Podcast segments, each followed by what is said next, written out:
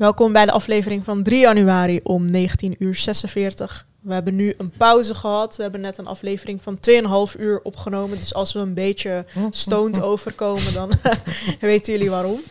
We gaan het dit keer proberen kort te houden. Uh, maar ik weet niet of dat Het gaat, gaat echt niet lukken, maar dat, gaat- dat zien we nog wel. Ik denk niet dat het gaat lukken. maar niemand heeft gezegd dat het te lang was of zo. Ja, er waren juist alleen klaagt. allemaal mensen om extra afleveringen aan het vragen. Dus eh, Ja, misschien kan je het knippen in drieën. En als ik dan in Mexico ben, hebben we geen Ja. eh, pauze. Ehm, ja, de lachgas is dit jaar illegaal geworden. Ja.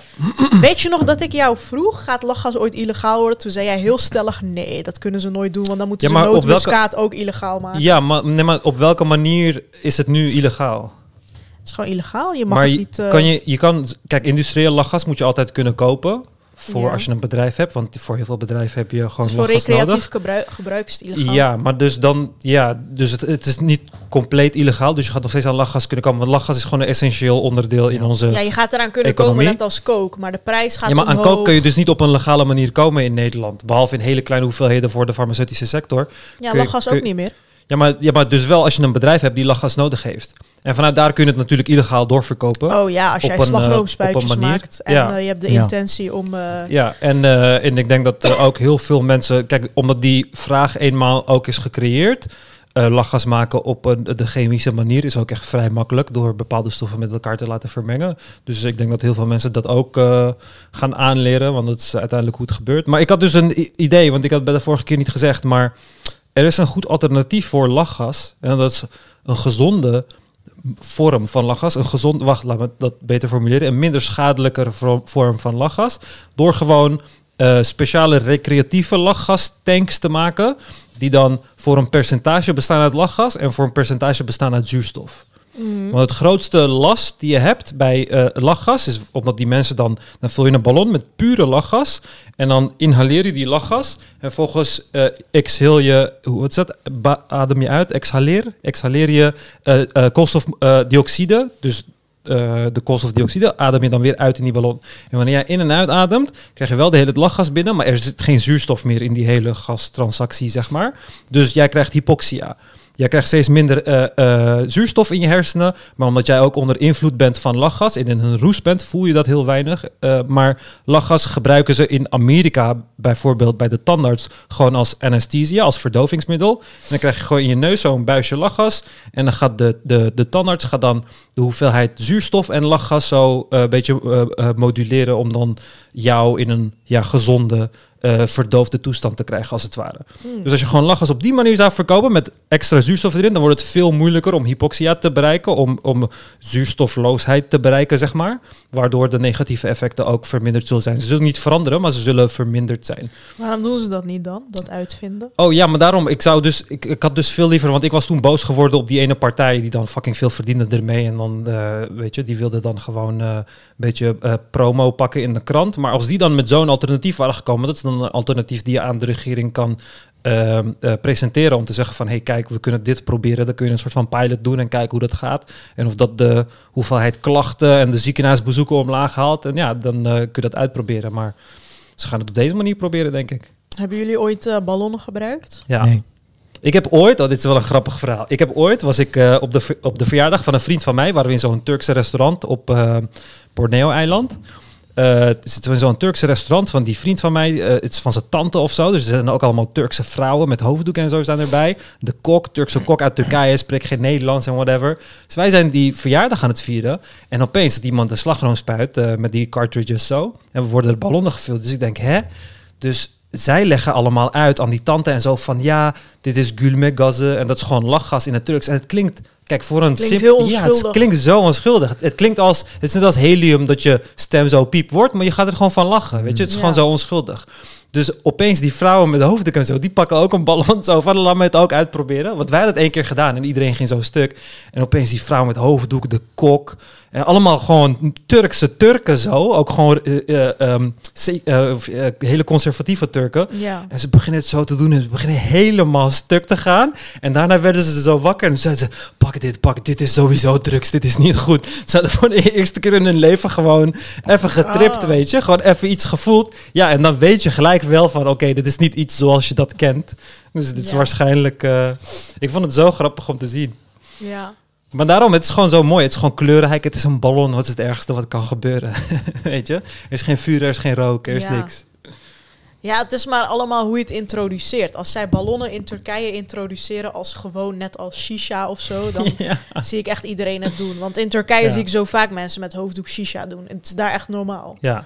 Ja, maar je kan dus wel heel ver, heel snel te ver erin gaan. Daarom is eh lachgas ook zo populair, want je kan heel snel heel ver gaan en het is daarna gelijk weer voorbij. Je zou letterlijk in, in, je, in je pauze, zou je gewoon drie ballonnen kunnen doen en dan weer terug naar de les kunnen gaan in principe. Ja, Je bent daarna gewoon weer goed. En dat is wat het heel aantrekkelijk maakt voor mensen. Maar ja, je, ziet wel, wanneer mensen te veel lachgas doen, zie je wel overduidelijk dat het niet echt goed voor je is, want je verliest gewoon langzaam je bewustzijn. Dus Ja. ehm, dat is ook het hele gevaar erin. Maar waarom zou je dan geen lijm snuiven? Ja, precies. Dat is wat ze ik heb, ik heb echt dus vanaf doen. het begin heb ik lachgas exact hetzelfde gevonden als, als lijmsnuiven. Weet je? Ja. Ja. en dat kan niet meer, want die stof is nu verboden, zeg Ja. maar, waar je high van werd. Maar functioneel is het gewoon dat, weet je wel. Mhm. En dan, dan zie je zo'n gast... eh, ehm, was in Den Haag, weet je, je hebt zo'n zo'n kanaal rondom de Haagse Hogeschool.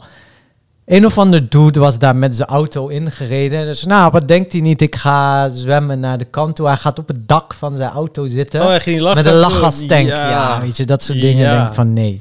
Ja, precies. Ja, heel vaak koppeltjes in Rotterdam in een auto. Ja. eh, die samen lachgas zes. gebruiken. Ik was echt, ik was met lachgas begonnen. Ja, dit klinkt echt super hipster van mij, maar ik was met lachgas begonnen toen lachgas nog niet echt gebruikt werd in Nederland. Het was nog niet echt populair, want ik werkte in een restaurant en ze hadden gewoon zo'n slagroomspuit. Dit is nu 12 jaar geleden of zo. Mm. Had ze zo'n slagroomspuit en ik wist gewoon dat daar lachgas in zat, want ja, dat weet je gewoon. Eh, tenminste, dat wisten mensen als ik gewoon. En eh, toen ging ik het aan die mensen, zei ik tegen ze van, yo, hier zit lachgas in.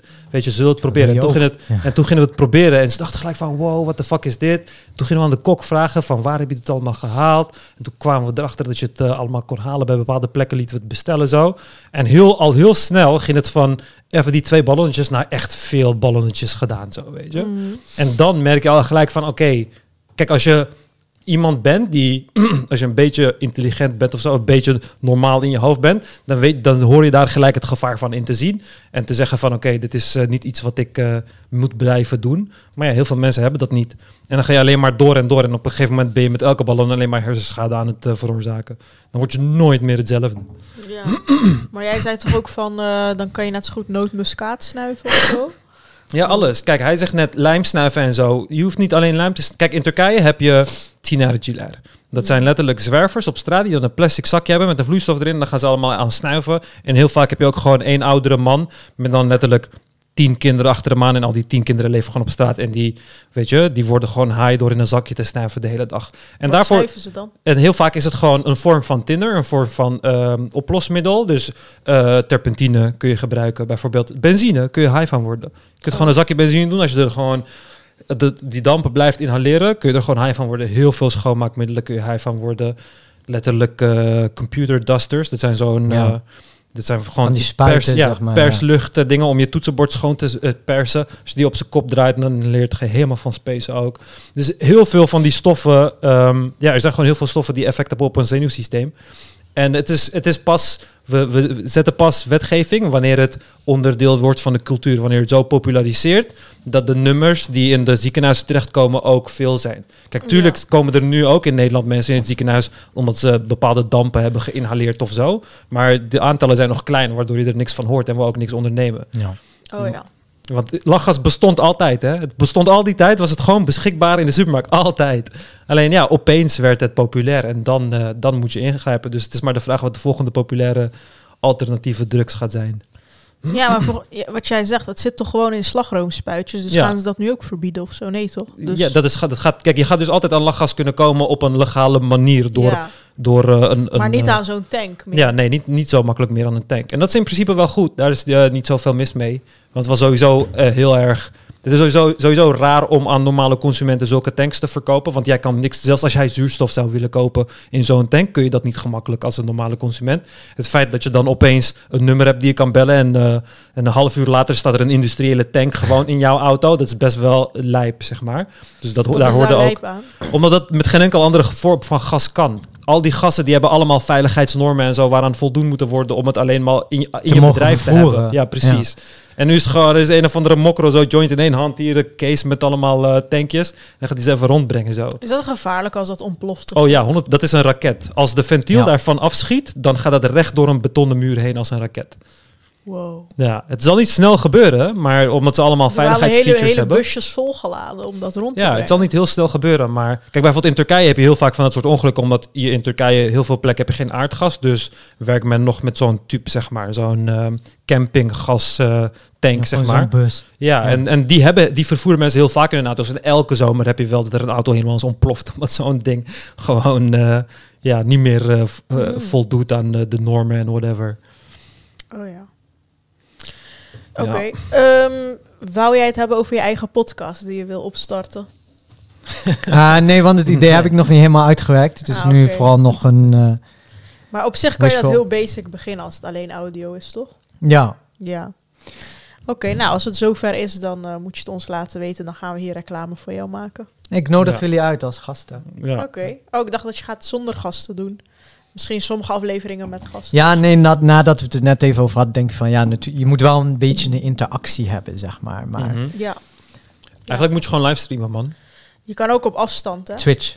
Ja, Twitch onder andere. Wij deden eerst op afstand. Ging ik hier met mijn microfoontje zitten. Ja, de eh, eerste 50 afleveringen hebben wij op afstand gedaan. En nog steeds. Ik was laatst, eh, wat, ging naar een meeting met onze editors en zo. Met eh, de Megans en eh, Lily en Nusha. En eh, ze zeiden van, hè, maar waren de eerste 50 afleveringen, waren jullie op afstand de hele tijd? ja. En ik dacht van, ja, we waren gewoon echt de hele tijd gewoon... We hebben niet één aflevering... Maar we op- hebben Ja, want dat was elke ook keer- zonder beeld en zo. Ja, het was zonder beeld, Ja. maar Maar we ik- hebben ik- dat ook elke keer gezegd, toch? Ja, maar blijkbaar hebben ze het gemist Soms zei ik, ik was in Spanje. Of... Ja, precies. Dus ik denk dat ze er dan een later, eh, later ach- erachter kwamen. Maar ja, gewoon lokaal opnemen en dan bij elkaar plakken. En dan klikt het gewoon alsof we naast En dat elkaar is, zijn. dat is gewoon heel laagdrempelig. Je kan, ja. Ja. je kan letterlijk je microfoon hier aansluiten. Geen Ja. zo, eh, Ja, we hebben eh, letterlijk een het- microfoon voor je waar je dat kan doen. Letterlijk, ja. Kijk, wat ik echt tof zou vinden is om, om bijvoorbeeld opiniemakers of politici, om die uit te nodigen. Ja. Maar ze dan gewoon echt te martelen met vragen, zeg maar. Weet Ja, je? maar dan komen... ja, Sven Kokkelman dat is het probleem. Want als je, als je met die mensen wilt praten, dan moet je voldoen aan een bepaald imago en weet ik veel wat allemaal, weet je? ja. Dus eh, Of je moet heel erg eh, vragen stellen waar zij heel goed uitkomen. Waardoor, waardoor die podcast in hun belang is. op, zoek, Ja. op, op zich doet, kan, lukt dat bij Salaheddin nog wel, weet je? Maar dan heb ik dat echt het gevoel dat mensen gewoon komen van... oh, ik ga even divers doen of zo. Ja, Weet je? Ze winnen gewoon de Ja. moslimstem. Weet Ja. je wel? Nee, maar Ja. ook, eh, kijk, als je een gast hebt en hoe moeilijker je gaat doen bij die gast, hoe meer ruimte die gast heeft Mhm. eh, om diens eigen ideeën te promoten. Dus er zit Ja. wel een wederkerig eh, voordeel aan. En het- mijn spel zou dan zijn om gewoon een vraag te verzinnen waar iemand geen antwoord meer op heeft. Ja, maar ik denk dat er wel heel veel mensen zijn, tenminste heel veel prominente mensen zijn, die vragen hebben waarop ze gewoon geen antwoord willen geven of waar ze het niet over willen hebben. En wanneer je dan zo, Ja, zo bekend staat, ja, en wanneer je dan bekend staat als zo'n moeilijke interview of zo'n gevaarlijke interviewer, dan, ja. Ja. dan, dan gaat dat gewoon mensen een beetje, ja, Afschrikken. ja, Zelfs, afschrikken. zelfs Sven Kokkelman, want je zei ik ga Sven Kokkelman on steroids doen. Hij was vroeger die hele kritiek. Nu is niemand meer blij met hem. Want als hij Mark Rutte interviewt, zeggen ze van ja, je vraagt niet door. Of ik. Ja. En ik denk dat dat is omdat, ze, omdat Mark Rutte van tevoren afspreekt. ja, tuurlijk. Je moet niet drie keer hetzelfde vragen of zo. Nee, maar dat is ook wel een cultuur die de afgelopen jaren is ontstaan. Hè. Dat is niet alleen Sven Kokkelman. Je ziet Ja. ook gewoon dat, dat, dat journalisten die vragen heel slecht door. Of er wordt er heel akritisch, worden gewoon dingen Maar dat is ehm, omdat ze anders niet, niet op jouw podium komen. Ja, maar Ja, maar dat is, dat is de politieke cultuur die gemaakt is door Ja. deze opeenvolgende regeringen, zeg maar. En En eh, er wordt soms zelfs gezegd dat de parlementaire journalistiek is gewoon een, een, een, een tweede afdeling van de Rijksvoorlichtingsdienst, zeg Ja. maar. Weet je? Mhm. Dus, dus ze doen gewoon hun werk niet. En, en, ja, Ja, maar het is ook heel normaal geworden dat je van tevoren de vragen opstuurt. En dan Ja. gaan ze zeggen van oké, deze wil ik beantwoorden en deze wil ik niet beantwoorden. Ja. En dan, gaat, dan pas ga je opnemen. Zelfs ik doe dat. Als ik bij op één ga zitten. Ja, ik Ja. zeg gewoon tegen... Eerst deed ik dat niet. Ik zeg gewoon welke vragen gaan er komen. Ik bereid me voor. Ik zeg ja, ik heb dit liever niet. Ja, Ja. waarom niet? Iedereen doet dat. Ja, precies. Maar daarom van, van politici zou je dat dus wel eh, willen eh, zien. Ja. Ik zou wel willen weten van, hé, hey, Mark Rutte wil niet dat we hierover vragen. Waarom? Ja. Waarom wil je niet dat we daarover ja, vragen? Kijk, als het een persoonlijk... toeslagenaffaire, ja, ligt gewoon gevoelig. Hij wil daar niet over hebben. Ja, maar dat is je, het is letterlijk je plicht. Ja. Weet je?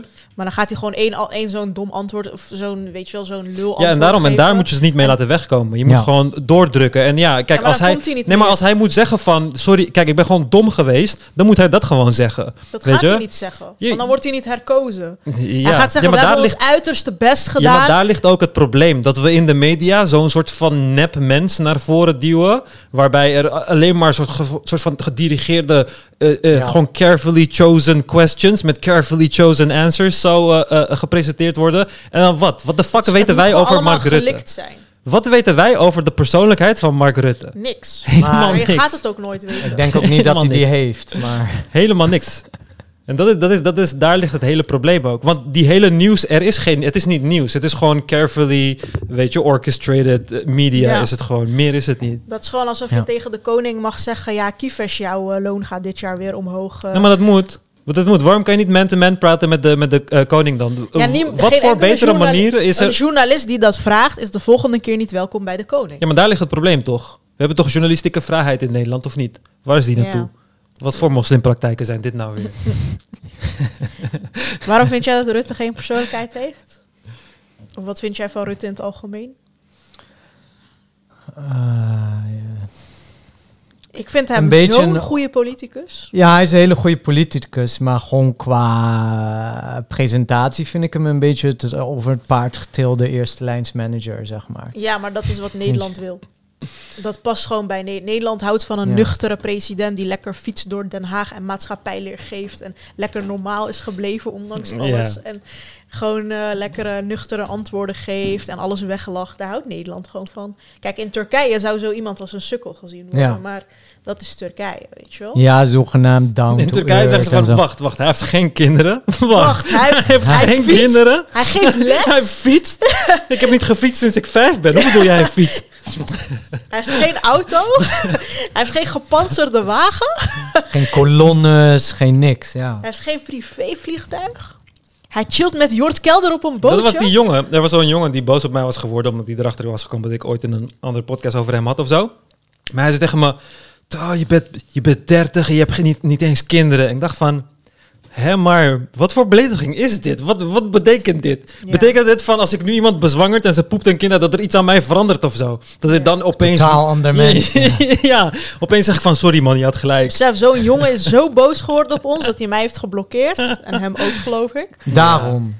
Gewoon omdat hij conservatief is. Echt zo'n en, super eh, conservatief. en ik ging hem kleineren omdat hij echt domme dingen had geschreven op... eh, Hij had gewoon Andrew. Tate ideeën en wij gingen dat bekritiseren. Gewoon Ja. op de inhoud. Ja, maar het jammere vond ik van... ik- hij ging met mij in discussie en ik wilde graag met hem in discussie, want ik hou daarvan. Maar hij ging gelijk altijd mijn haar, altijd gewoon mijn haar. En ik had hem kort genoemd, dus hij ging zijn lengte noemen. Hij zei, ik ben helemaal niet kort. Het was voor mij nog steeds kort, Oké, dat maar was ja. wel een persoonlijke aanval van jou. maar- Ja, ik weet het, maar ik ging gewoon naar het stereotype van, van die korte rechtse figuren die dan zo Ja. extreem Ja, vrouwen ja. gaan haten en had een theorie dat Dat- korte jongens altijd conservatief zijn. Ja, conservatief en snel vrouwenhaters worden zo. Omdat ze in plaats van naar zichzelf te kijken en denken van hoe kan ik beter worden, de schuld geven aan de vrouwen. Van oh ja, vrouwen kiezen alleen maar voor eh, lange mannen of weet ik veel wat allemaal. Kun je best jezelf in verliezen, maar werk gewoon aan jezelf en vind een mooie dame. Is gewoon helemaal niks aan de hand, je weet toch? Hoef je niet eh, extreem voor te worden.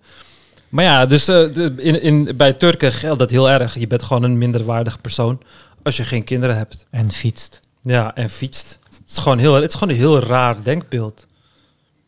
Want ik ken vaders, letterlijk. Kijk, als, als, als het gaat om je moet kinderen maken. Ik heb met mensen op school gezeten, mensen die ik ken. Ik weet waar ik deze, waar, wat voor mensen dit zijn. Weet je, ik kan een grove schatting maken van waar dit soort mensen gaan belanden en weet ik wat, op wat voor niveau ze zitten. En nog voordat ik twintig ben of, of voordat zij twintig zijn, trouwen ze en dan krijgen ze kinderen. En dan denk ik van, grap, maar hoe dan? Maar hoe?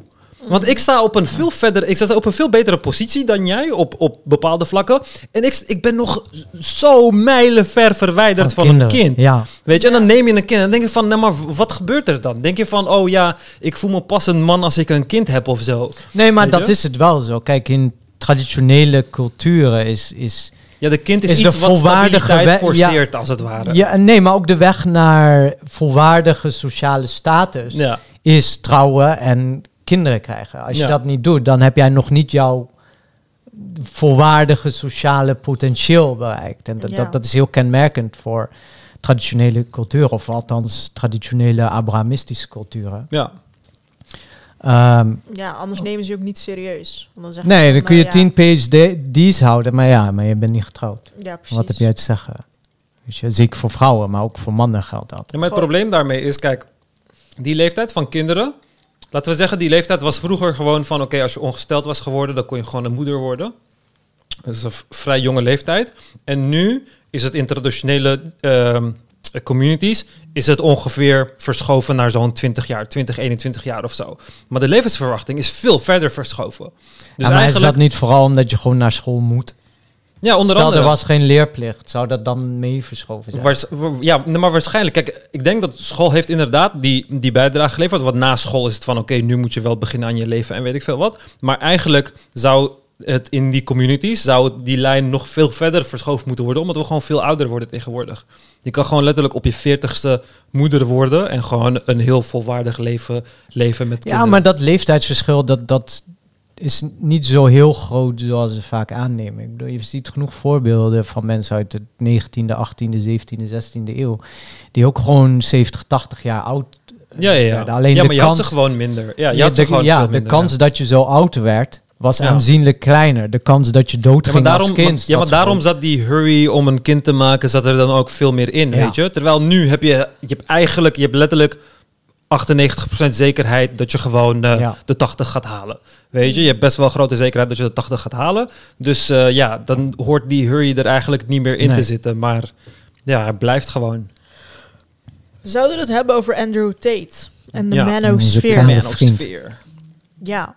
Andrew Tate is opgepakt voor mensenhandel. Mhm. Komt hij nou in de gevangenis? Hij was eerder opgepakt ook voor hetzelfde. Oh. Ja, hij moet nog 30 dagen blijven. Kijk, Andrew Tate had dus... eh, er zijn de screenshots, ik zet ze wel nu in het scherm zo. Vroeger was hij soort van... Je hebt van die pick-up artists, weet je?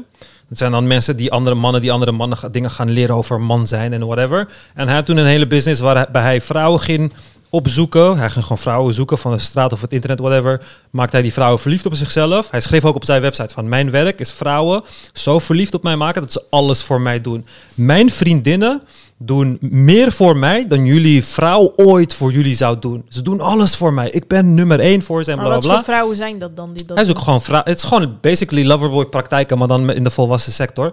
En dan ging hij gewoon die vrouwen in een soort van huis zetten. En dan gingen die vrouwen op webcam sites. En dan gingen die allemaal mannen strikken en dat soort dingen. En op de achtergrond had hij een hele groep van medewerkers die dan ook met die mannen gingen chatten. waren gewoon mannen die hij had ingehuurd. Die Oh. dan met die mannen gingen chatten om zijn geld af te troggelen. Verliefd Ja. maken, geld af te troggelen, dit, dat. Dat is hoe hij zijn geld heeft gemaakt. Nadat hij, want hij is een paar keer wereldkampioen kickboksen geweest. En ehm, toen zijn Oh carrière... ja, dus hij is echt sterk.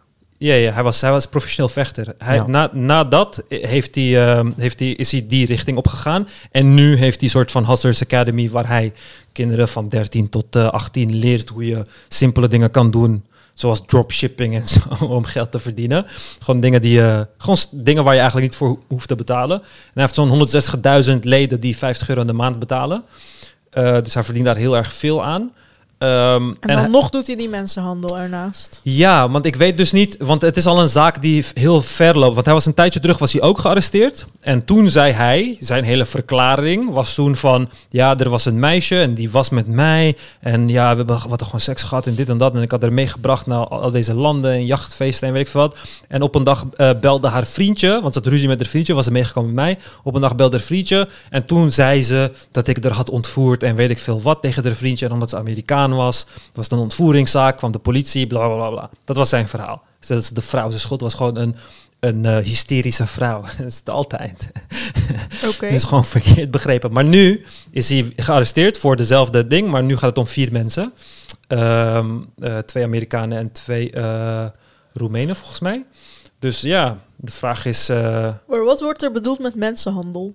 dat hij eh, vrouwen eh, vasthield die dan ehm, Die weg wilden. tegen betaling op het internet, tegen betaling gewoon naaktfoto's, oh, maar erotische dat video's vrijwillig? allemaal. Nee, dat, dat is de zaak. Als ze het vrijwillig deden, dan was hij niet Ja, opgepakt. ze, ze zeggen dus dat ze werden ze- gegijzeld. ja, dat ze werden gegijzeld inderdaad. Ja.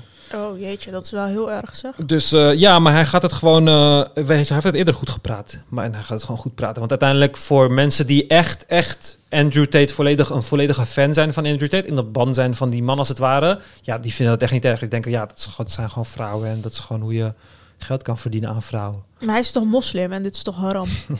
Ja, Ja. oké. Het grootste deel van de top 600 is ook eh, moslim. Het is Dus, moslim. Nee, maar hij Nee, is maar- kijk, is wel wat anders.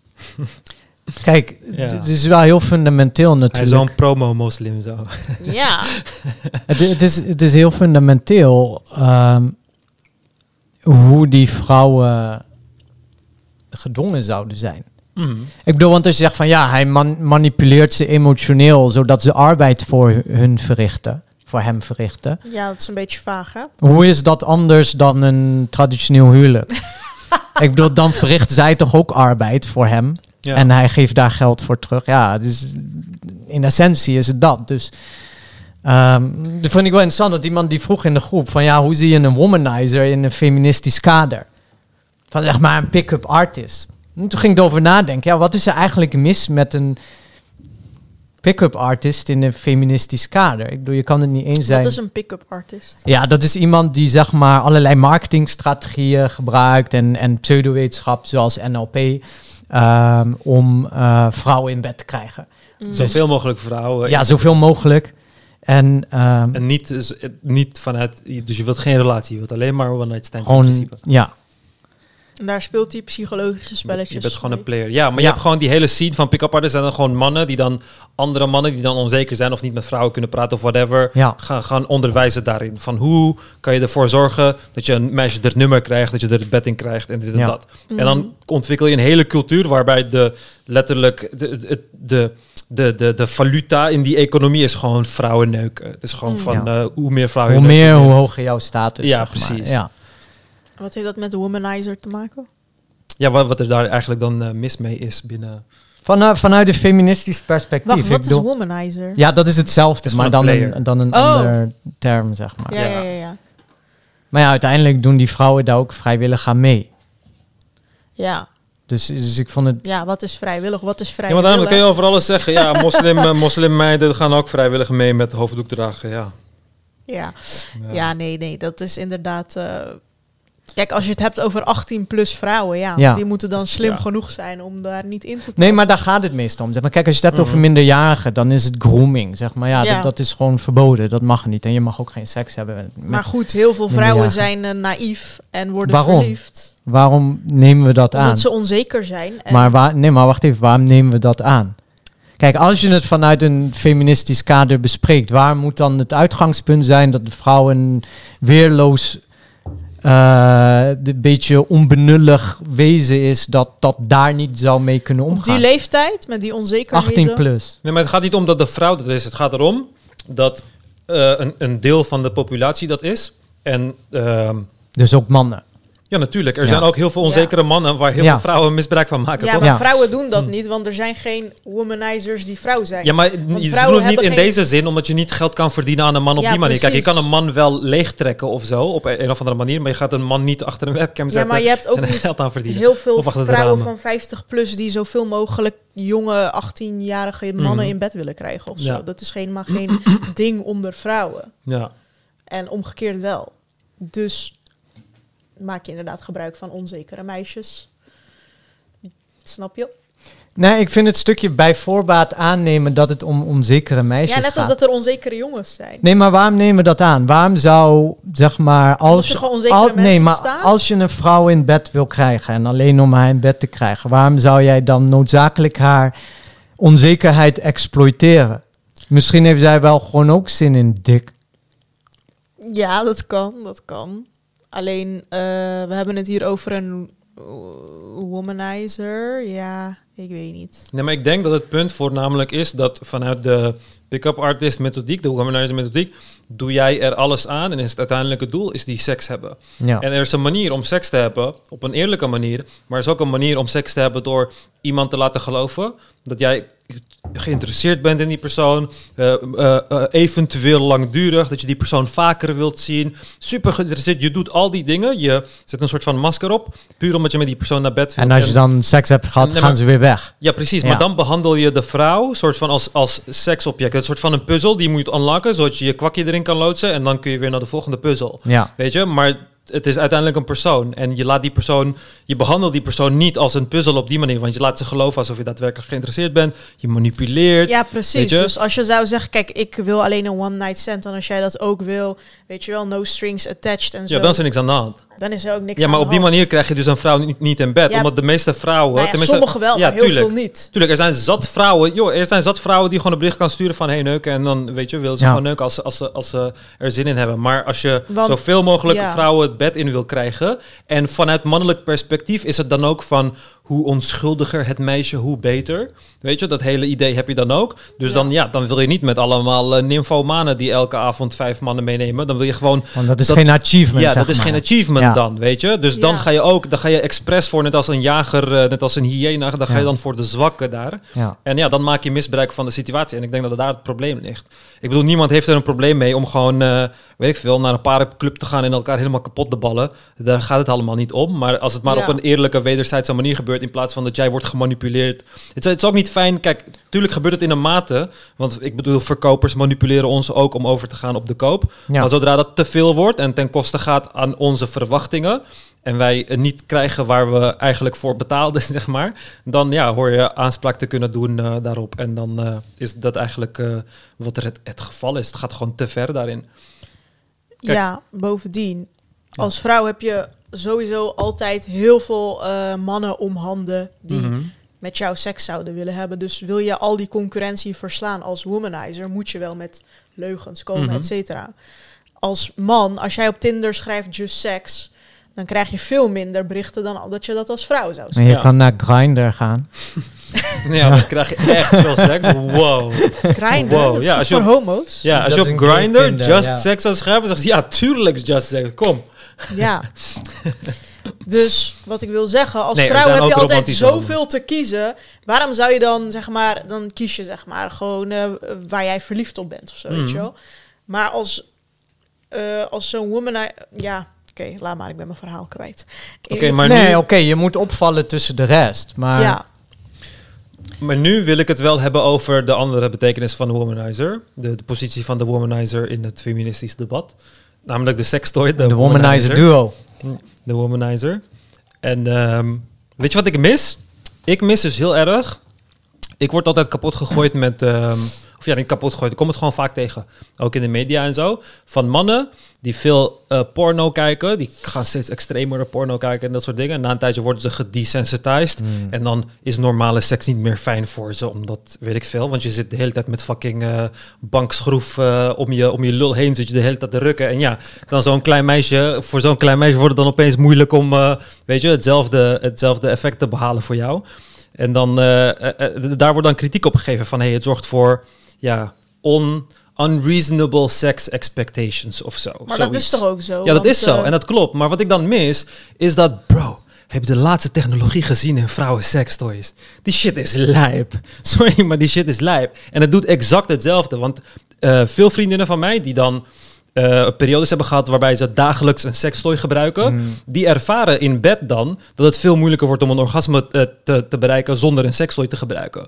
Dus Mm. exact hetzelfde gebeurt daar ook. Want je letterlijk, je gaat met industriële motoren op industriële snelheden, die op biologische manieren niet te behalen zijn, Ja. ga je dingen overstimuleren en zo, weet je. Dus dan gaat je grens ook steeds verder. Maar daar lees ik dan, dan helemaal niks over. Weet je, en dat is, het, dat is het jammer. Want het is altijd, Dat wordt juist aangemoedigd. Precies, dat wordt juist aangemoedigd. En ik kan begrijpen, natuurlijk is het tot een bepaald punt aangemoedigd. Net zoals ik het ook zou aan- aanmoedigen om gewoon eh, eh, porno te kijken als jij niet aan je behoeftes komt of zo. En tuurlijk kun je in beide een heel extreem opgaan. Maar eh, ja, het is, het is makkelijk om ze beide als iets heel negatiefs neer te zetten. Maar Daarom is het belangrijk om, om dat aan beide kanten een beetje te doen. Ja, nee, maar het is gewoon toch net zoiets als alcohol. Ik bedoel, sommige mensen zullen niet met alcohol kunnen omgaan. Ja. Weten we, maar de meesten kunnen dat wel. Nou ja, er zullen ook mensen zijn eh, die niet met porno kunnen omgaan. Ja, Ehm, maar uiteindelijk, de meeste mensen die porno kijken, kunnen dat wel. Dus, dus dat is, vind ik niet echt een sterk argument of zo tegen, tegen porno. Kijk, het is gewoon een kwestie van smaak. Van, oh, waar kijk jij naar? ja.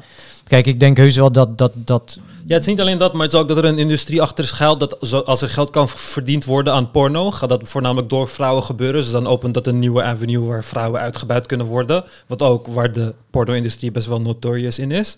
Dus eh, daar ligt een beetje dan het probleem. Dat gebeurt dan minder bij mannen. Maar, ja, eh, oké, maar dan kijk, dan heb je zijn het over... gewoon valide kritiekpunten natuurlijk. weet Maar je? dan heb, je, het- dan, dan, dan heb je het over arbeidsvoorwaarden. Mhm. Ik bedoel, als we erachter komen dat Polen worden uitgebuit in distributiecentra, dan gaan Ja. we niet zeggen distributiecentra zijn slecht, maar nee.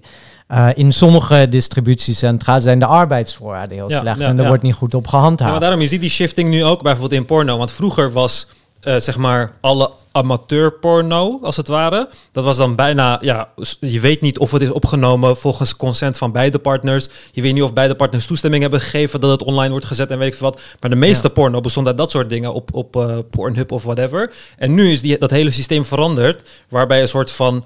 Net als YouTube je eigen profiel aanmaakt als Ja. koppel of als, als vrouw. En dat je beide eh, eh, consent geeft voor een video om gepubliceerd te worden. En jij dan bijvoorbeeld de inkomsten krijgt en weet ik wat. Ja. Dus het wordt wel steeds meer soort van... eh, ja, net als met OnlyFans. ja, net als met ja. OnlyFans, precies. Dus het, het gaat wel ergens goed naartoe. Maar die, die tegenreactie vanuit de anti-porno-lobby, zeg maar, is dan altijd heel erg extreem. En ik mis dan de anti-sextoy-lobby. Want ik zweer het, als er, ik zweer het, hè, als er nepkutjes zouden bestaan die lijpe shit kunnen. Gewoon lijpe shit, oké? Vrouwen zouden massaal hier artikelen over schrijven. Van, oh ja, maar hoe de kut is, tot, het is verworven tot weet ik Maar veel, dat gaat toch hypermodern. sowieso weet ik veel komen wat. in de Ja, natuurlijk gaat het komen. Ja. Nee, daarom- maar, nee, maar ik geloof niet dat. Kijk, dus ik denk dat.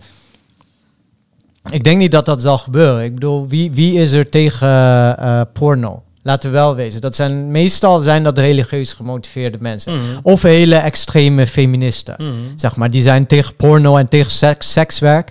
Eh, vanwege het uitbuiting van vrouwen. Maar ja, zoals waar we het net over hadden, van je gaat niet tegen een distributiecentrum zijn, omdat in een distributiecentrum eh, de arbeidsomstandigheden eh, slecht zijn. Oké, die groep heb je, maar voornamelijk zijn het de religieuze argumenten ertegen.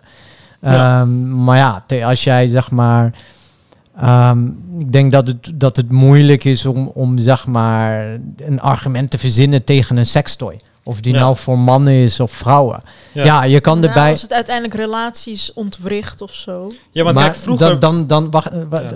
als een sextoy je relatie ja, dat, ontwricht, dat, dat, dat is wel echt... eh, Nee, heel- laat ik dan was je relatie al ontwricht. Je seksleven. Dat Dan was je seksleven alsnog eh Ja, precies. ontwricht. Kijk, als je in een relatie zit, ga je sowieso niet elke dag een sextoy gebruiken. Dus dan kan je daar ook niet te ver in gaan, lijkt Mhm. mij. Eh, meestal is dat gewoon als je, als je gewoon lange periodes gewoon zonder sekspartner hebt gezeten, dan ga je gewoon een sextoy gebruiken. En als je dat dan gewoon elke dag doet, dan gaat jouw grens steeds eh, omhoog. Net zoals dat bij een man kan zijn die geen seks krijgt, dus dan gaat hij steeds extremere porno kijken. En na een tijdje moet hij een baksteen op zijn vrouws hoofd gooien om Nee, klaar maar- te kunnen komen of zo. Kijk. dus eh, In de, Dus- in de meeste relaties worden sekstoys worden ook samen ja, supplementeel gebruikt. Natuurlijk, Ja. natuurlijk. natuurlijk. Dus- maar uiteindelijk wil je het niet zo ver brengen waarbij je er afhankelijk van wordt. Want dan Nee. loop je dus tegen een verslaving aan, Ja. zeg maar, weet je. Nee, maar dat is hetzelfde als met porno. Van Ja, kijk jij de van. ehm, ik was laatst op Psynet. Ik was daar allemaal testen aan het doen. eh angststoornistest, eh, Mhm. werktest, hechtingstest en ook pornotest.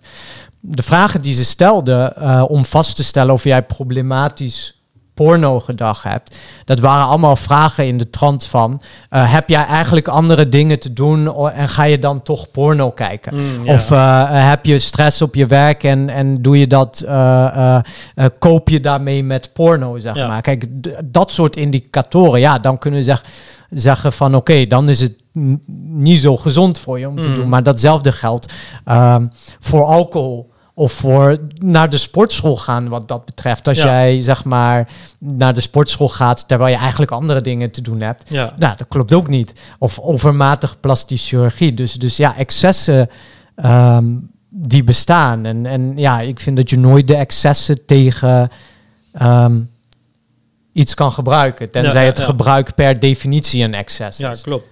Ja, het ding is alleen dat wanneer technologie verbetert op het gebied van genot, dan... Kijk, want vroeger was niet masturberen, dat is dan zo'n christelijk argument. Er zijn hele campagnes gevoerd. Mensen Ja. weten dat niet en mensen gaan het ook niet geloven. Van maar rukken word je doof. cornflakes is letterlijk uitgevonden om mensen te doen stoppen met rukken. Kellogg's, die man, wat op alle verpakkingen staat, hij heeft cornflakes uitgevonden om Amerikanen te doen stoppen met rukken. Is een verhaal, kun je opzoeken, is heel interessant. Maar ehm, die lobby bestond altijd heel erg. En er is helemaal niks mis daarmee, omdat het heel moeilijk is om daarmee overgestimuleerd te raken door iets te doen wat Ja. een mens niet kan. Want je doet menselijke dingen. Ja. Weet je, maar met technologie, zowel voor mannen als voor vrouwen op het gebied van seksueel genot, gaan we steeds verder en verder en verder kunnen gaan. Waarbij een motherfucking, je hebt gewoon een nepkut en hij, hij geeft gewoon eh, eh, perfect gedirigeerde schokjes ergens, waarbij jij een orgasme krijgt die je tot aan je oren voelt of whatever. Weet je, dan zijn we de lul. Weet je, dan is, dan Nee. is de seksuele toekomst van de mens Nee, want nee. is gewoon verloren, letterlijk. Nee, dat Ja, dat geloof ik niet. ik dus. Nee, maar dat geloof ik niet. Jawel. Want de meerwaarde van de seksuele interactie is niet de technische handeling die je doet. Oh ja,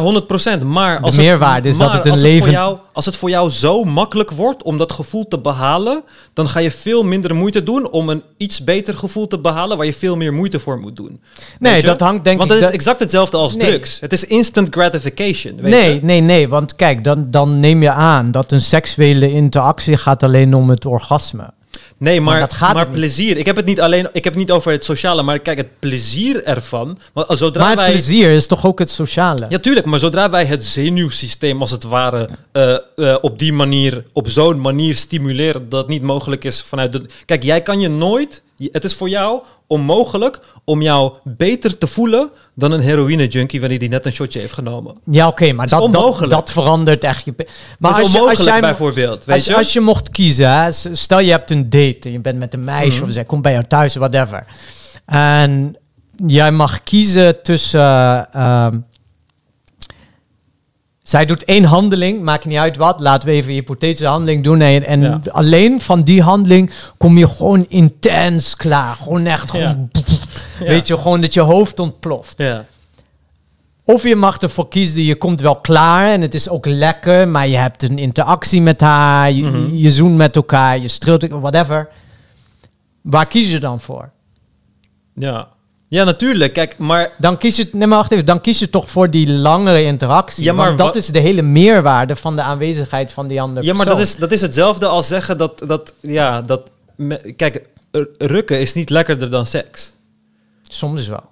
Mm. Niet dat de seks slecht ja, is, maar niet, mijn soms... techniek is niet zo goed. Nee, dan. maar, nee, maar, nee, maar, maar het is een, het is, ik bedoel meer van, het is een, het is een andere ervaring. Ja, natuurlijk is het een andere ervaring. Ja. Maar daarom, kijk, al- als, als de betere ervaring, die zal altijd het winnen van de minder betere ervaring. En ik denk dat, kijk, op normaal gebied, op fysiek gebied, qua seksueel genot, zijn wij gelimiteerd door onze fysieke lichamen. Maar zodra Ja. technologie daarbij komt kijken, technologie kan iets veel, kan dat letterlijk 10, 20, 30 keer zo lekker maken. En daar kunnen wij niet tegen op. Daar gaan wij nooit tegenop kunnen uiteindelijk. prostaat, anus, pik, alles tegelijk. ja, ja. ja, maar daarom, wij gaan daar niet tegen, tegen kunnen. En, en natuurlijk, misschien gaat het nep voelen, maar doe je een fucking VR-bril op en dan lijkt het alsof nee, je dat dan die... is het nog eh, steeds niet echt. Want dan weet je... kijk, de, de, de, Ik denk dat het voor heel veel mensen echt genoeg gaat zijn. En ik denk dat het echt voor problemen gaat zorgen. nee, maar ik denk dat, dat... Dan ligt het niet in, in de oplossing, maar meer in de seksuele ontwikkeling van mensen. Ja. Ja, maar daarom, ik denk dat seks dan ook... Dat, dat, dat, dat, dat kinderen maken via seks compleet gaat verdwijnen. Ik denk dat het na een tijdje zelfs onethisch gaat zijn... om kinderen op de normale, natuurlijke manier te verwekken. Omdat wanneer je kan garanderen dat een kind gezond wordt geboren... is het onethisch om een kind op een Mm, normale niet manier te, te doen, verwekken. Dus, dus ik denk dat we sowieso die kant op gaan. En dan gaan we waarschijnlijk seksueel genot eh, ook eh, loskoppelen van... eh, een beetje loskoppelen van de mens. Ik denk het echt. Want uiteindelijk, ja, maar uiteindelijk, we kunnen niet com- competen.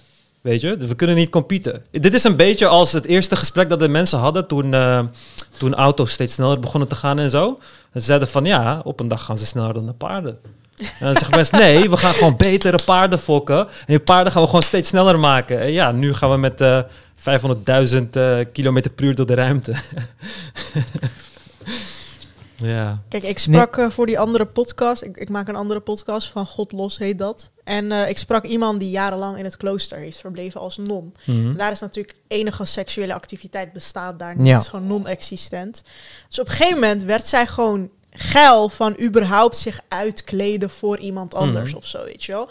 Want de, de, de, de minste prikkeling zorgt daar in zo'n omgeving voor geilheid. Want Ja. je bent letterlijk al jaren niet, eh, heb je geen seks gehad. ja. Dus zo zie Al jaren of had ze nooit seks gehad? nooit. Oh ja. Nee, dat weet ik niet. Ik weet niet of ze daar maagd naartoe ging. Maar in ieder geval, in die omgeving had ze al jaren geen Ja. seks. En ze was ook nog eens lesbisch.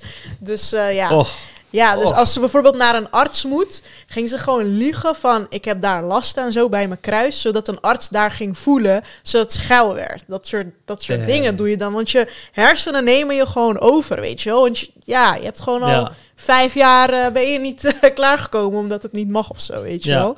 Dus ehm, dat doet mij ook denken aan deze discussie van... Ja, als jij bijvoorbeeld eh, inderdaad de technologie of de porno zo ver vooruit is... dan heb je zoveel prikkeling. Je moet ook een beetje een tijdje geen prikkeling hebben... om daar Mhm. ultiem van te genieten of Ja. zo.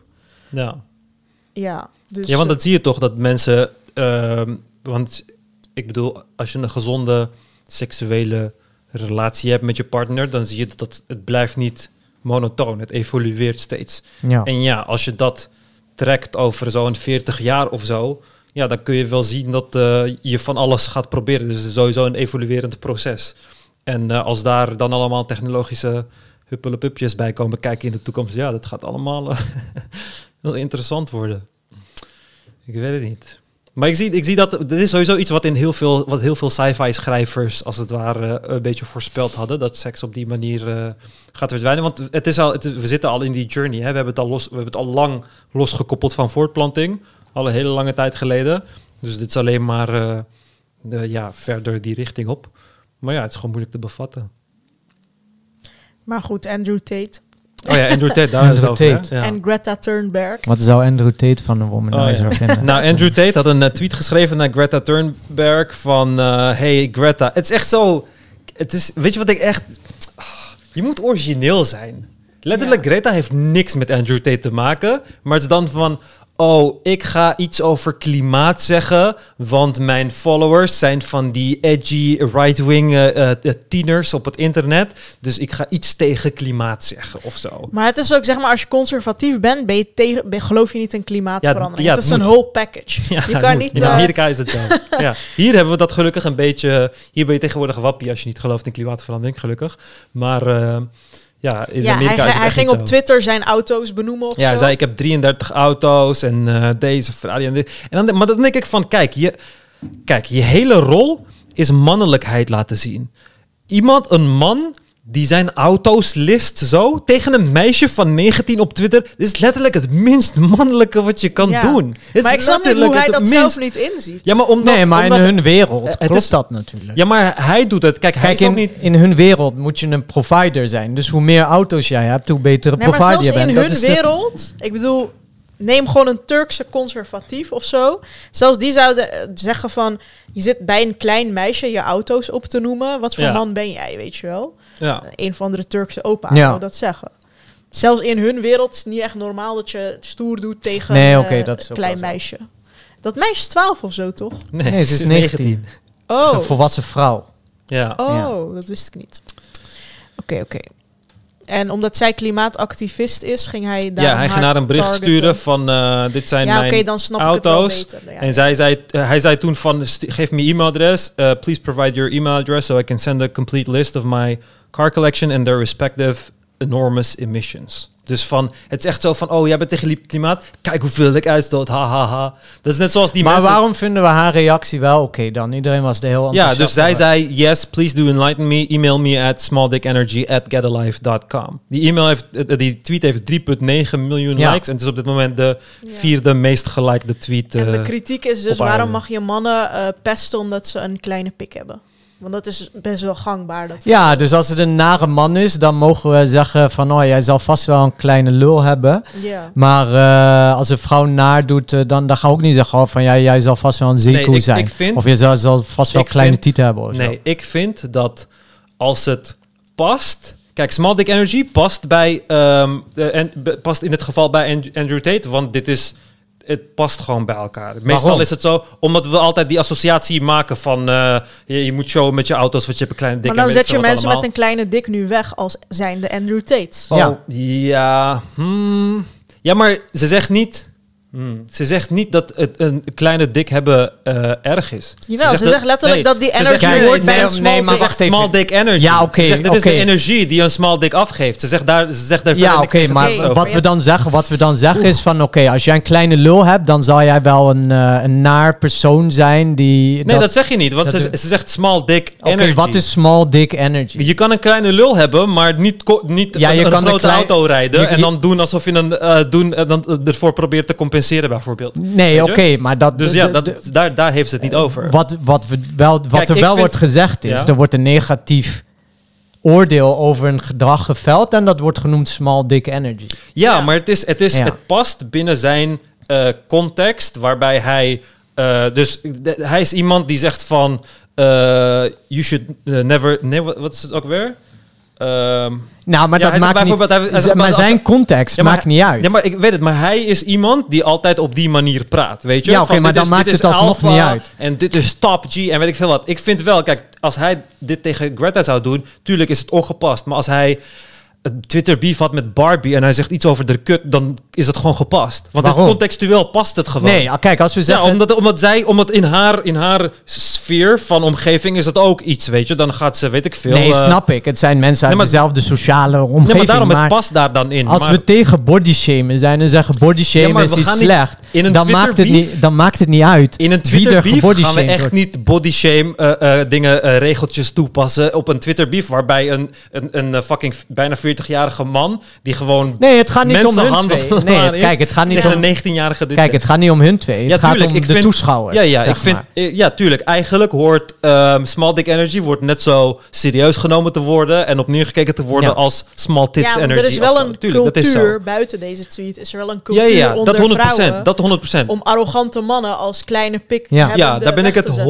100% mee eens. Alleen in deze situatie vond ik hem eh, totaal niet eh, ongepast, zeg maar. Want het is gewoon een 19-jarige die een 36-jarige... op zijn Nee, oké, dat is kijk in hun hele discours en manier van praten. Tuurlijk past het erin, maar Maar het klopt dat in de normale wereld, het is, dat is inderdaad eh, oneerlijk dat het gebeurt. En het feit Ja. dat het zo is, zijn argumenten voor de manosfeer om inderdaad te ja, laten want zien dat is de hele dat reden waarom vrouwen heel bestaan. veel voordeel hebben. Want Ja. vrouwen die worden gewoon geboren en alles wordt voor ze gedaan. En de man die moet hard werken. en weet alle mensen met een small dick die nu deze tweet hebben gezien, gaan Ja, zich maar, ook voegen ja, maar, bij de ja, maar manosfeer. mensen met, voor alle mensen met een small dick, niet alle mensen met een small dick hebben small dick energy.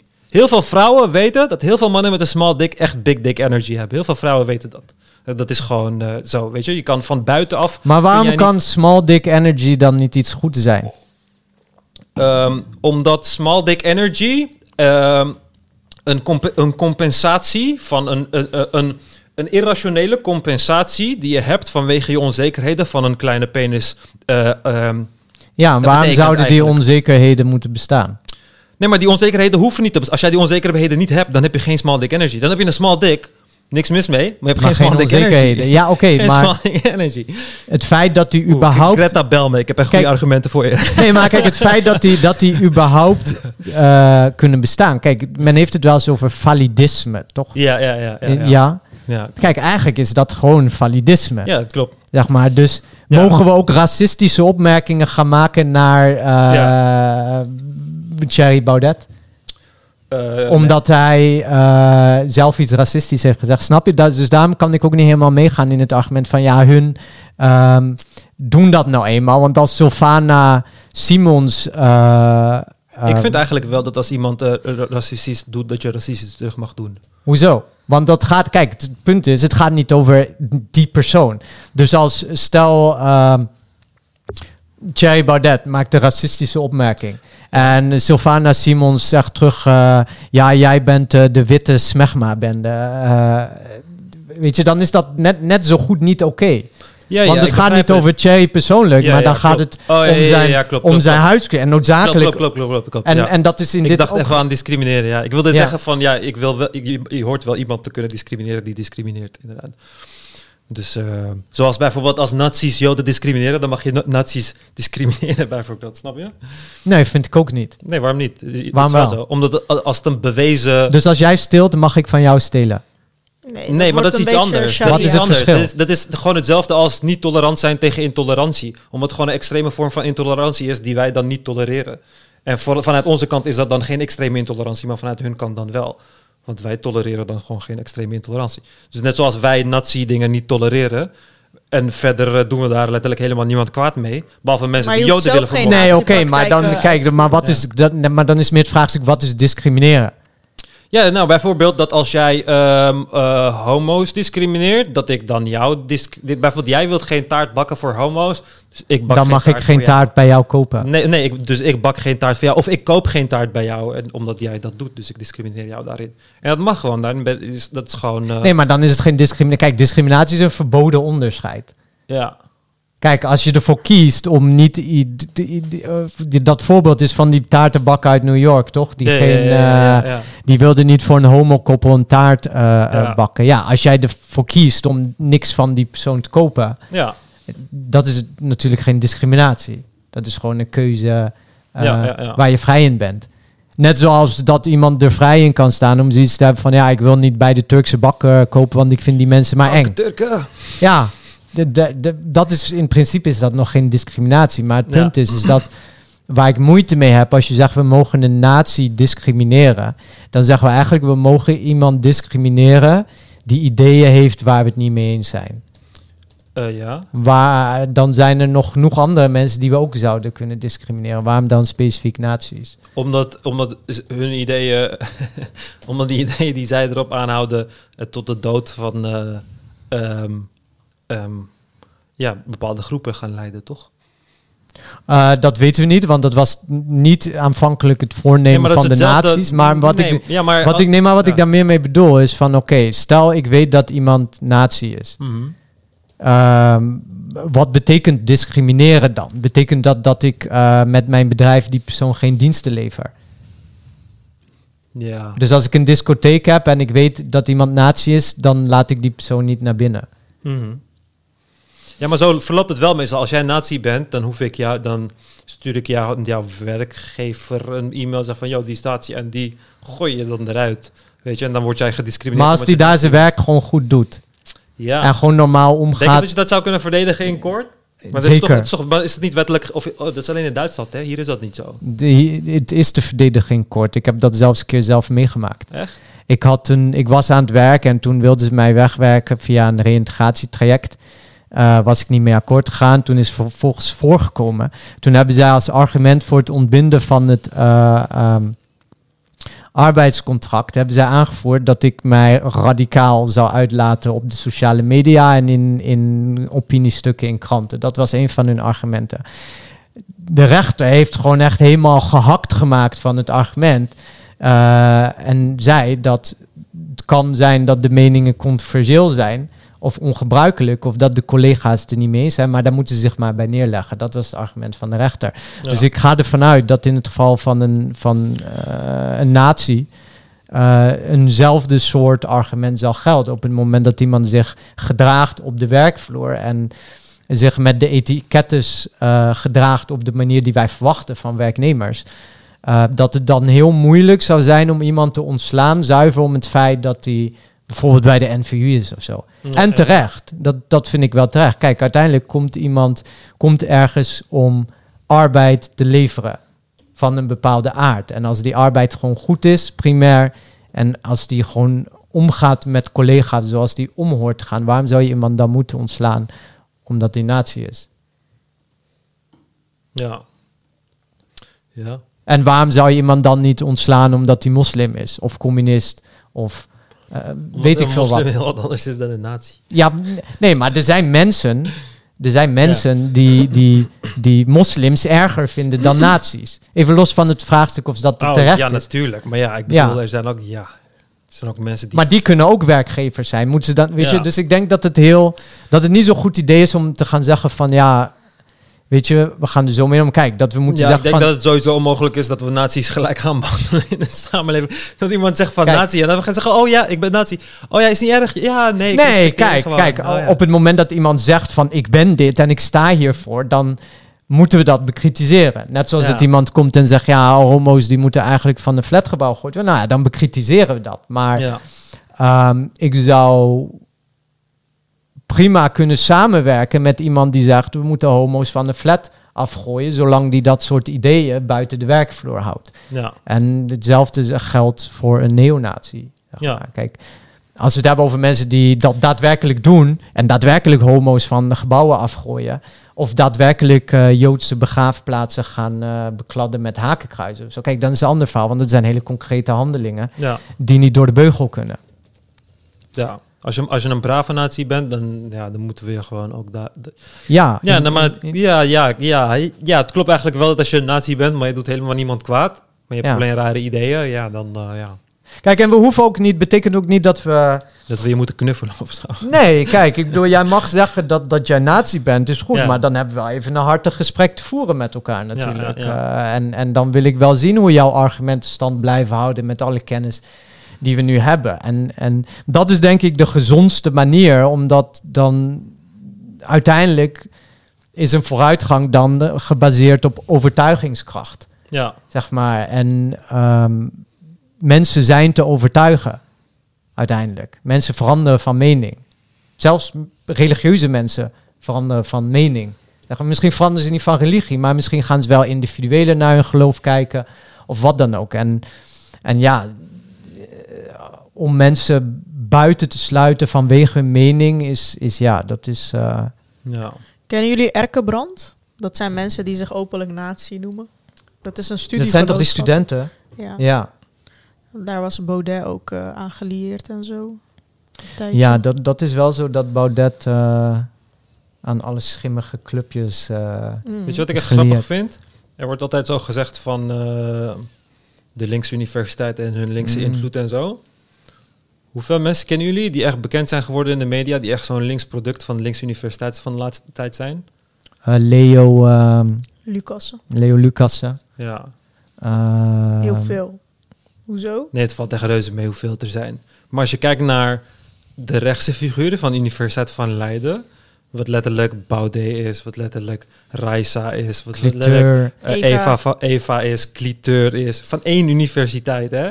Van Ja. één universiteit. En maar dat die, is omdat al- ze heel veel ophef de, hoeveel, ja. Ja. de hoeveelheid schade die die mensen hebben veroorzaakt, de hoeveelheid vertrouwen in de overheid en de wetenschap die ze hebben veroorzaakt, de manier waarop ze letterlijk leugens over Nederland hebben verspreid in Amerika en weet ik veel wat allemaal. Ja, de ze, vorm ge- ze van- gaat toch wel eens naar Fox, die Raisa? De- ja, de vorm van landverraad Ja. die ze eigenlijk hebben gepleegd. Maar het is van iedereen van, oh ja, de universiteit en een linkse indoctrinatie. Ik kan echt heel weinig dingen noemen die Nederland zoveel schade hebben eh, eh, eh, laten doen leiden, die vanuit een links perspectief kwamen. Echt. Mm.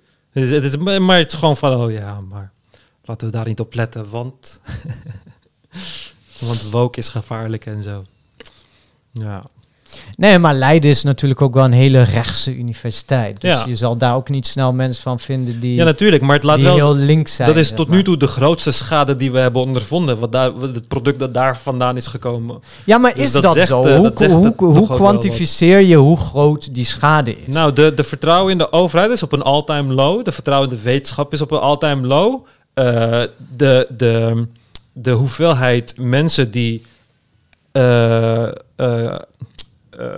ideeën hebben die een gevaar zijn voor de volksgezondheid, zijn alleen maar gestegen. De hoeveelheid eh antivaxxers zijn gestegen, waardoor zelfs de cijfers van de normale Ja. rijksvaccinatie omlaag is Ja. gegaan over de hele wereld. maar dat was wel een trend die al gaande Over was. de hele wereld. Ja, ja, het was al gaande, maar Ja. dit heeft het doen, doen versnellen, zeg maar. Want het is ook, dit zijn geen nieuwe dingen, maar er is gewoon gesprongen op een bepaalde anti-intellectuele trend die al een aantal jaar aanwezig is in Amerika, eigenlijk een aantal decennia aanwezig is. En van die trend is gewoon misbruik gemaakt om allemaal prominente posities, puur zodat ze gewoon geld kunnen verdienen. Letterlijk daarvoor. Zodat ze gewoon een positie hebben waarin ze lekker geld kunnen verdienen, is een heel land kapot gemaakt. Zodat vijf, zes mensen even geld konden verdienen. Zijn er de lijpse leugens verteld en zijn mensen gewoon helemaal disillusionized en is het van VAF en Klaus Schwab en Vaccins en dit en dat.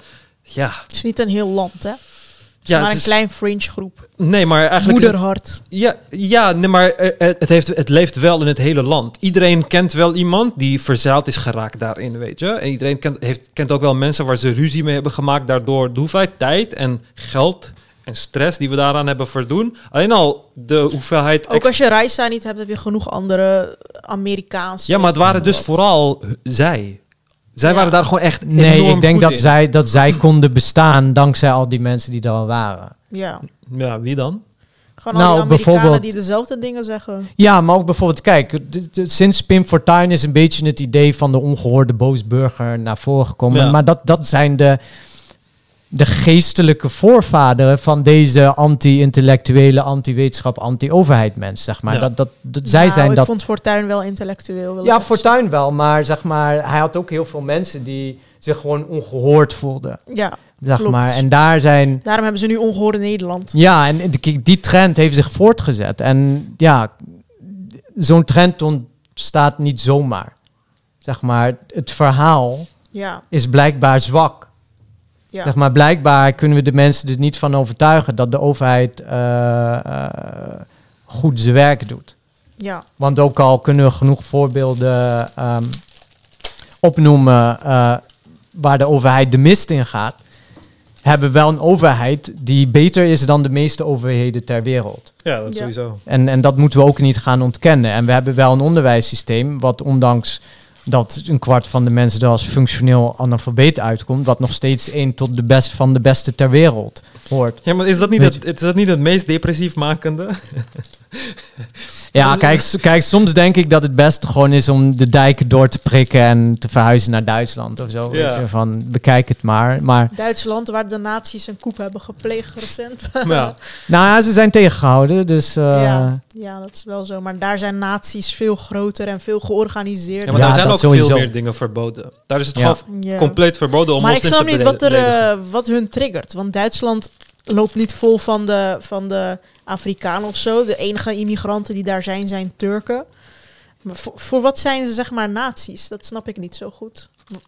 Er is niet echt een bepaalde trigger in het dagelijks leven in Duitsland... waardoor je je aangetrokken voelt tot het nazisme. Laat ik Het nee, maar de na nazi zijn is, is natuurlijk meer dan tegen Mhm. immigranten zijn. Kijk, de nazi's Ja. die hadden, hadden natuurlijk antwoorden op de problemen van die tijd. En, en Ja, in die tijd was het heel erg invloeden van buitenaf. Van de Joodse complot van Versailles, eh, wat zij, waarin zij geloofden. Eh, de economie ging slecht. Ehm, zij hebben de ehm, crash op Wall Street Mm, hebben zij soort van kunnen voorspellen. Niet specifiek de crash, maar wel dat, dat het met al het buitenlandse kapitaal heel slecht zou gaan met Duitsland. En dat gebeurde er na de beurscrash. En ja, zij geloofden in het eigen volk eerst en we gaan onszelf groter maken. Ehm, en ja, er hoeven natuurlijk geen immigranten te zijn om in dat idee te geloven. Ja, nou ja, tegenwoordig de neonazies zijn meer anti-immigranten, zeg maar. Dat is gewoon tenminste, anti-moslim en anti-Afrikaanse immigranten. Dat is gewoon die white zeggen. genocide. Ik had toch die eh, screenshot gestuurd. Pegida en zo, weet je wel. Ik heb toch die screenshot gestuurd in die, in die groep van die ehm, White Lives Matter Telegram groep. Waarin ze zeggen van ehm, rassenvermenging is, ehm, is eh, white genocide. Ja. Maar dat is het toch ook? Mm, Heb jij ooit een, een nee, maar heb jij ooit een, een koppel gezien waar de een wit was en de ander niet wit, waar het kind wit was? Dus in die wat ik zin, heb gezien? in die zin hebben ze gelijk. Ik bedoel, uiteindelijk zal het blanke ras verdwijnen hoe meer immigranten er zijn. Dat is gewoon een natuurlijk Hoe meer proces. vermenging er is, ja, bedoel je? hoe Ja. meer vermenging er is, hoe minder witte mensen er zijn. Nee, het zal niet verdwijnen. De, wat wit is, zal gewoon een andere betekenis krijgen. En er zullen altijd witte mensen bestaan, want de, de mensen die zich voornamelijk zullen ehm, bezighouden in de, eh, in de koudere regio's, die zullen gewoon vanzelf witter worden per generatie. Mijn kinderen en mijn kleinkinderen gaan witter zijn dan dat ze zouden zijn geweest in Turkije. Ja, omdat ze minder pigment aanmaken. Ja, want, want, want, want letterlijke nieuwsflash. Wij komen allemaal van negers, jongens. We waren allemaal negers. We waren Oh, allemaal dus de zwart. zon bepaalt of je bruin We waren wordt. allemaal zwart. We waren allemaal pikzwart. Allemaal. En voor allemaal. Ieder, we, begonnen, we begonnen met alleen maar zwarte mensen. Ja. En guess what? Er kwamen mensen met meerdere kleuren. Die kwamen er vanzelf uit. Er waren niet witte mensen en Nee, gele klopt. mensen en zwarte mensen. Kijk, uiteindelijk is het pigment verdwenen. Ja, nee, want Ja. Dat, is, dat is wat, uit, wat, wat er gebeurt. Weet je. je krijgt gewoon een mengeling ervan. Maar er zijn, er zijn echt vrij veel. Er zijn, he- het is heel vaak zo dat wanneer zwarte en eh, witte mensen kinderen maken, dat twee van de kinderen er donker uitkomen en één er wit uitkomt en whatever. Die hebben dan ook allemaal. eh, Meestal is het gewoon eh, een beetje gemixt. gemixt. Nee, je hebt bijvoorbeeld eh, je hebt een bekende eh, rapper, Logic. Hij is compleet wit. Hij lijkt gewoon op een white boy, maar zijn vader is gewoon best. Zijn vader is gewoon black, black American, weet je, en donker zwart ook. Maar hij lijkt gewoon op een white boy en hij kan, omdat hij niet gemixt is, kan hij bijvoorbeeld het N-woord niet gebruiken in zijn liedjes. Want ja, dan moet hij van tevoren uitleggen, ja, maar mijn vader is zwart, weet je. Maar als je een beetje lichtgetint bent, ja, dan kan je het gewoon zeggen.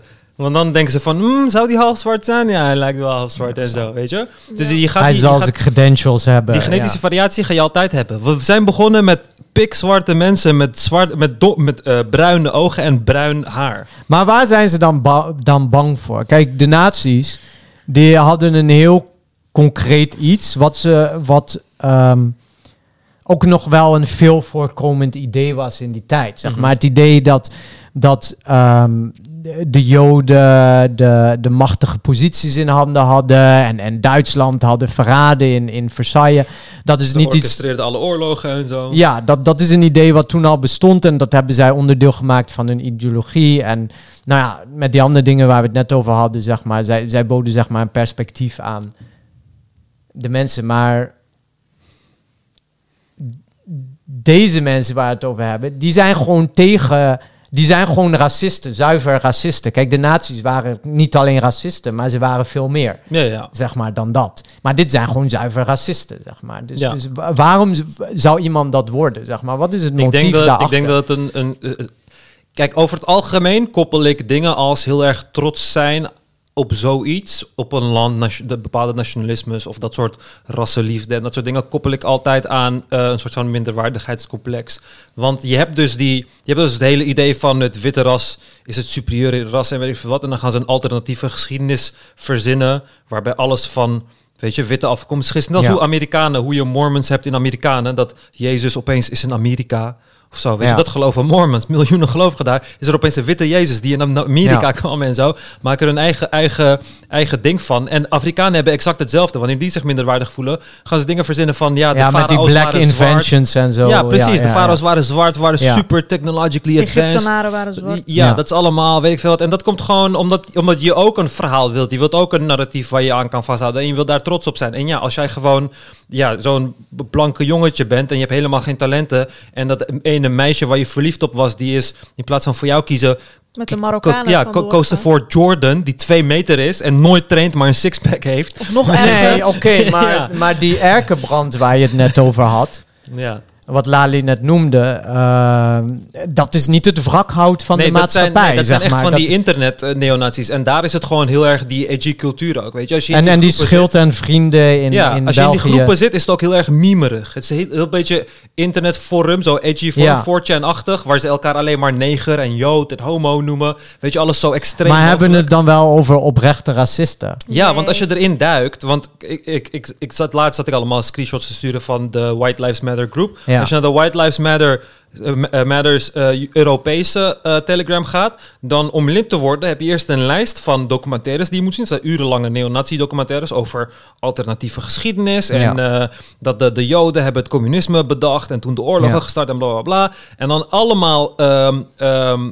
pdf'jes waarin wetenschappelijk onderzoek, dan gaan ze dingen ontkrachten als, ja en linkse mensen zeggen altijd ras bestaat niet. En dan gaan ze allemaal research zo laten Ja. zien. Precies hetzelfde als wanneer je in een antifax fora gaat, dan bieden ze jou de antwoorden voor alle claims die de overheid maakt over vaccins. Zeggen ze van nee, kijk het is wel gentherapie en kijk naar dit en dit en dit. Maar jij hebt geen flauw benul hoe je zoiets moet beoordelen, dus Ja. je valt er gewoon in. Ja. Dus dan ga je die data doornemen, ga je die filmpjes kijken en die teksten lezen. En voor je het weet ben je via een meme-kanaal... ben je eigenlijk een soort van neonazi geworden. Heb je er neonazi-ideeën op eh, eh, aangehouden. En ze houden heel erg veel van die trollen. Want het komt van internetcultuur. Het is net als hoe die Pepe the Frog meme werd gehijacked door eh rechtsextreme mensen. En dan achteraf, als de media daarvan weet en dan een artikel schrijft wat dan echt belabberd in elkaar zit, omdat de media niks weet van internetcultuur, dan gaan ze, eh, dan gaan ze doen, dan gaan ze het zo bagatelliseren van kijk, dit zijn gewoon linkse gekkies. Eh, white nationalists hebben letterlijk dit. Je deze? White nationalists hebben op 4chan hebben letterlijk deze, eh, eh, voor de audioluisteraars, ik doe nu een oké met mijn hand, met mijn drie vingers omhoog. Dit staat voor white power, oké? Maar dit staat eigenlijk niet voor white power, dit staat ook voor oké, toch? Dit staat ook- ook voor oké. En ze hebben dus op 4chan hebben ze bedacht van, luister, we gaan vanaf nu, dus alle white nationalists in Amerika, Ku Klux Klan, gewoon everybody, de Proud Boys en weet ik veel wat, gaan we dit gebruiken en dit staat voor white power. En zodra de media het oppakt, dan gaan we het ridiculiseren van de linkse, die dan helemaal gek zijn geworden, omdat ze de oké zijn, nu interpreteren als white power en nu iedereen als white supremacist kenmerken, alleen omdat ze een oké zijn doen, weet je? En het klinkt ook geloofwaardig. Het klinkt geloofwaardig als iemand dat zou zeggen van, kijk, een groepje mannen die zo doet, dus het zijn white, nation- eh, white supremacists. Zou je niet geloven. Maar wanneer je dan bijvoorbeeld naar eh, de January 6th, de Capitol storming, de coup-poging die eh extreemrechts Amerika op de overheid probeerde te plegen, al die rechtsextremistische groepen, de Proud Boys en allemaal, staan allemaal op de foto door precies dit te doen. En normaal sta je, je gaat gewoon niet normaal zo op een foto staan. Ja. Maar dan ga je expres dat soort trollacties uithalen om Of, chaos clownpoppetje. om, chao ja, om, om chaos te veroorzaken. Je gaat expres chaos veroorzaken. Je Maar doet nee, maar iets hoe- hoe- en daar zijn nazi's fucking goed Oké, maar hoe, hoe verhoudt dat zich tot daadwerkelijke, echte, concrete politieke bewegingen? Want tuurlijk, internet, makkelijk, memes maken, makkelijk. Oké, even een concept bedenken en dat Ja. groot maken, makkelijk. Ja, maar het heeft wel grote effecten, want QAnon is ooit gewoon nee, maar, bedacht. ja, weet je, als een maar, troll. maar tuurlijk. En uiteindelijk bestorm je een kapitool. Het heeft effecten, maar wat blijkt is dat de actiebereidheid van al die internetmensen is vrij laag. Er was ooit een huisgroep, er zaten honderdduizend mensen in, Ja, eh, tegen Wilders. ja. Het was echt een van de grootste en bekendste hives-groepen. Die wilde op een demonstratie, die ging een demonstratie organiseren eh, tegen Wilders. Er zijn 27 mensen uit die groep zijn komen opdagen. Dus ja, ja, ja. wa- wa- wanneer, wanneer overschrijdt iets of, of ontwikkelt iets eh, van een internetcultuur tot legit politieke beweging? Mm. Als ze een koep proberen te plegen of zo. Zoals in Duitsland. ja, of wat ze in Amerika Maar dat, probeerden. kijk, dat in Duitsland, dat kwam niet voort uit internetcultuur. Die Rijksburgers, die bestonden al heel lang. Ja, maar Ja. wat in Amerika is gebeurd wel. Want die, die kapitoolbestorming, oké, het was echt fucking chaotisch en door letterlijk imbecielen die helemaal geen plan hadden of whatever. Maar het is uiteindelijk wel de grootmacht van de wereld waarin dat gebeurt, omdat mensen gewoon onzin op internet hebben geschreven. Gewoon een paar trolls hebben op een internetforum gewoon zogenaamd cryptische berichten met een Q erachter. En opeens ontstaat er een hele cultuur van QAnon en zetten mensen allemaal rare dingen bij elkaar.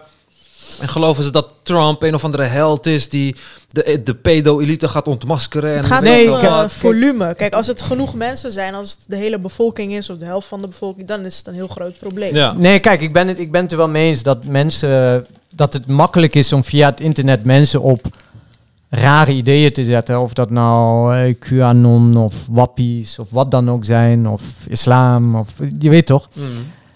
Maar kijk, een, een politieke beweging, een legit politieke beweging, dat is natuurlijk, natuurlijk wat anders. Want daar komt veel meer bij kijken. Dat zijn mensen die in de wijk met mensen gaan praten, die in het bestuur eh, gesprekken voeren, die naar debatten gaan, die, die, die, die brieven schrijven naar Kamerleden, die zelf Kamerstukken indienen, die meedoen aan verkiezingen, die organisaties, verenigingen starten. Ja. Dat is een heel geheel. En ehm, dat is, is, zijn al deze bewegingen niet. Ja. Behalve misschien. ja, klopt. Veel halen ze niet, eh, Nee. veel halen ze niet uit. je. Behalve misschien FVD, zeg maar. Maar dat is al een politieke partij. En die Maar die komen er niet eens echt vooruit dat ze nazi-ideeën hebben. Die ontkennen alles ook nog eens. Ja, maar dat is altijd, Ja, maar dat is het is- altijd een idee. Dan zeg je gewoon, dan, dan breng je letterlijk de Hitler groet en dan zeg je, maar wat is hier racistisch aan? Nee, maar, Dat soort dingen. maar sowieso, kijk, het is evident dat eh, eh, de ideeën van FVD overeenkomen met die van de nazi's. Maar Ja, maar dat ontkennen ze zelf. Dus Ja. is, ja, het is... Dat Ja, maar daarom, want dan grap. kun je het speltje meespelen van, oh kijk, jullie zijn gek en jullie noemen iedereen en alles nazi's en weet ik veel wat. En dan zitten ze letterlijk letterlijk fucking joden in een gaskamer te proppen. En dan zeggen ze nog Ja, steeds van, ja, maar hoezo is dit nazi Hij zegt dan? nog steeds, mijn vrouw is Joods, mijn eh, familie Nee, is maar kijk, uit, kijk, het is wel zo natuurlijk. Kijk, uiteindelijk maakt het niet uit als jij dezelfde ideeën als de nazi's heeft, hebt. Mm. Ik bedoel, als jullie voor eh, gratis kraamzorg eh, eh, bent, dan deel Ja. je al ideeën met de nazi's, want dat hebben ze hier. Als je vegetariër bent. Ja, dat, dat, dat, dat hebben zij hier geïntroduceerd. Maar wat we kunnen zien is dat de ideeën van FVD en de veronderstellingen die ze daar hebben, die komen overeen met de slechte ideeën Ja, ja, van de nazi's. Hij had het over homeopathische verdunning Ja, van dat, het blanke ras. Ja. Maar ja, dat komt toch overeen met wat jij net zegt van het is toch wel een genocide? Eigenlijk zeg je dan zelf. Ja, maar echt genocide is Nee, maar dat was meer, kijk, dat was meer gewoon een beetje sarcastisch. Van ja, uiteindelijk, hoe meer het blanke ras zich vermengt, Ja, maar dat bedoelde hij hoe met die kleiner eh, het, wo- eh, het wordt. Ja, maar zeg is dat ja. een probleem? Dat moet je je afvragen. Ja, ik denk niet dat dat het probleem is. Kijk, ja, wat ik pro- ook niet. Zolang mensen democratische waarden en verlichte waarden onderschrijven. Ja, maar Ik ze gaan ook ook nooit verdwijnen. Het is ook echt zo raar. Ze gaan letterlijk nooit verdwijnen. Letterlijk, Nederlanders hebben letterlijk de helft de wereld plat geneukt. Letterlijk. Weet je, er is best wel veel buitenlandse invloed. Al honderden jaren in Ja. Nederland. Ja, er zijn nog steeds spierwitte mensen die in de herfst verbranden in Nederland hoor. Kun je zat van vinden. Het gaat echt niet snel gebeuren. Het gros van de Nederlanders trouwt nog steeds met een blanke Nederlander. Letterlijk gewoon. Ja, maar zelfs al- als het zou gebeuren, ja, is het erg. Dat- Ja, maar daarom. Het Is is, het erg dat de tijger uitsterft? ja, ik vind het wel erg. Ja, ik weet niet. Ik vind het wel niet. Dat is, eh, die houdt een ecosysteem in balans. Dus dat is een stuk belangrijker dan de... Maar hij is al bijna uitgestorven. Dus dat het ecosysteem functioneert zonder die tijger is evident. Dus ik denk dat de wereld ook wel zal functioneren zonder witte mensen. Ja. Dus uiteindelijk, ja, maakt het uit of iemand wit of zwart is.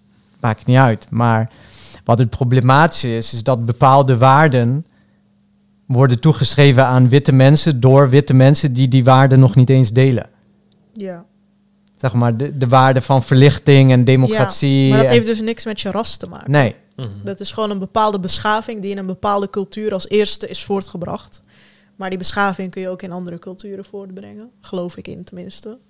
Nee, dat is zeker zo. Maar daarom vind ik het ook altijd bezwaarlijk als het witte ideeën worden genoemd. Hoezo is het een wit Omdat idee? zij het als Ja, maar ik vind het ook raar dat je het witte idee noemt, terwijl echt letterlijk heel veel van onze dingen uit het, de- het- van de oude Grieken komen. En de Grieken zien we tegenwoordig niet als wit.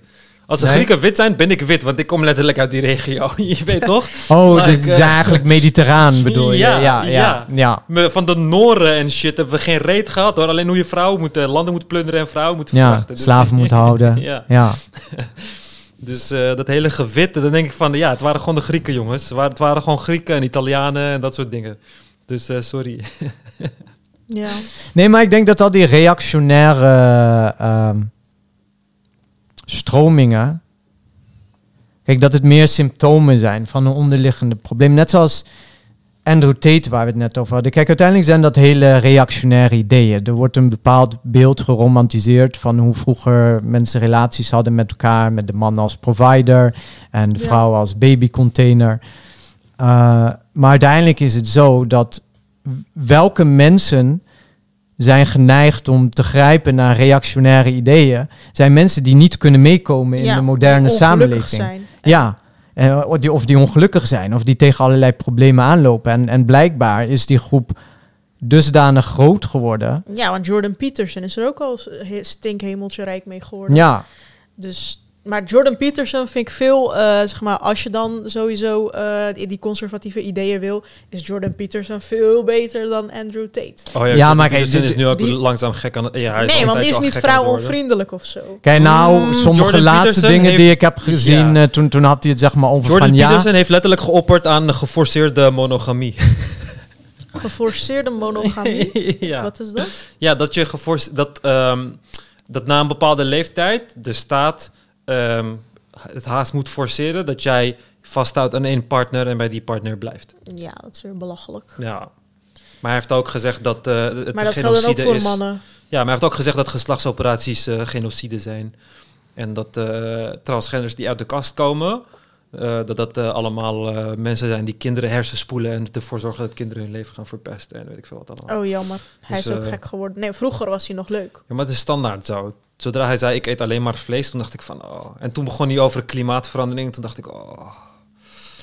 Ja, en sommige dingen schiet hij wel uit de bocht. Maar hij kan wel een beter argument opbouwen dan bijvoorbeeld Andrew Tate. En, en Vroeger sommige... zei hij gewoon ruim je kamer op. En wees lief voor je vrouw. En eh, monogamie is de key to succes. Ja, kijk, in, in, in, in veel van die oude filmpjes inderdaad, dan, dan, dan maakt hij best wel goede punten. Ja. Maar ik zag ook laatst van hem, zegt hij, ja, waarom dragen vrouwen eh, eh. Blush? Ja, omdat het eh, eh, op seksuele opwinding lijkt en eh, daarom zou je geen make-up op de werkvloer mogen dragen. Kijk, dat is echt gewoon van het niveau van, oké, ben je nu aan het concurreren met Andrew Tate of zo? Ja. Ja. Weet je, dat was echt gewoon van echt gewoon. Eigenlijk vond ik het een beetje teleurstellend, zeg maar. Want Ja. het zijn oude Ja. filmpjes die. Zeg maar, vrouwen doen lippenstift op omdat ze willen neuken. Ja, weet je. En, Ja. dat is echt zo dom. Dat is zo dom. maar ja, wat is het probleem dan van al deze mensen waar ze tegenaan lopen? En daar, daar maakte Jordan Peterson best wel goede punt in. Hij had bijvoorbeeld een keer een filmpje gemaakt over dat. eh, ehm, wat doen mannen, zeg maar? Van nou ja, die, die leggen de kabels aan, die bouwen de infrastructuur. En ze zijn allemaal voornamelijk mannen. Maar wat typeert al die mannen waar hij het over had, is dat het allemaal beroepen zijn waar eigenlijk de samenleving een beetje op neerkijkt. ja. Zeg maar van als jij, eh, weet ik veel, kabels in de grond legt. Ja, dat is niet echt een beroep met status of zo. Terwijl het gewoon heel waardevol werk is. En uiteindelijk zit in elk werk zit waarde, anders zou het niet bestaan. Ja. Ehm, maar blijkbaar, ehm, We kijken er alleen maar op neer omdat je weinig verdient. Als jij eh 5000 per maand als vuilnisman zou krijgen, zou niemand erop neerkijken, geloof ik. Weet ik niet. Want je verdient trouwens best wel goed als vuilnisman. Ten opzichte van andere ongeschoold eh, werk is dat een van de best betalende beroepen.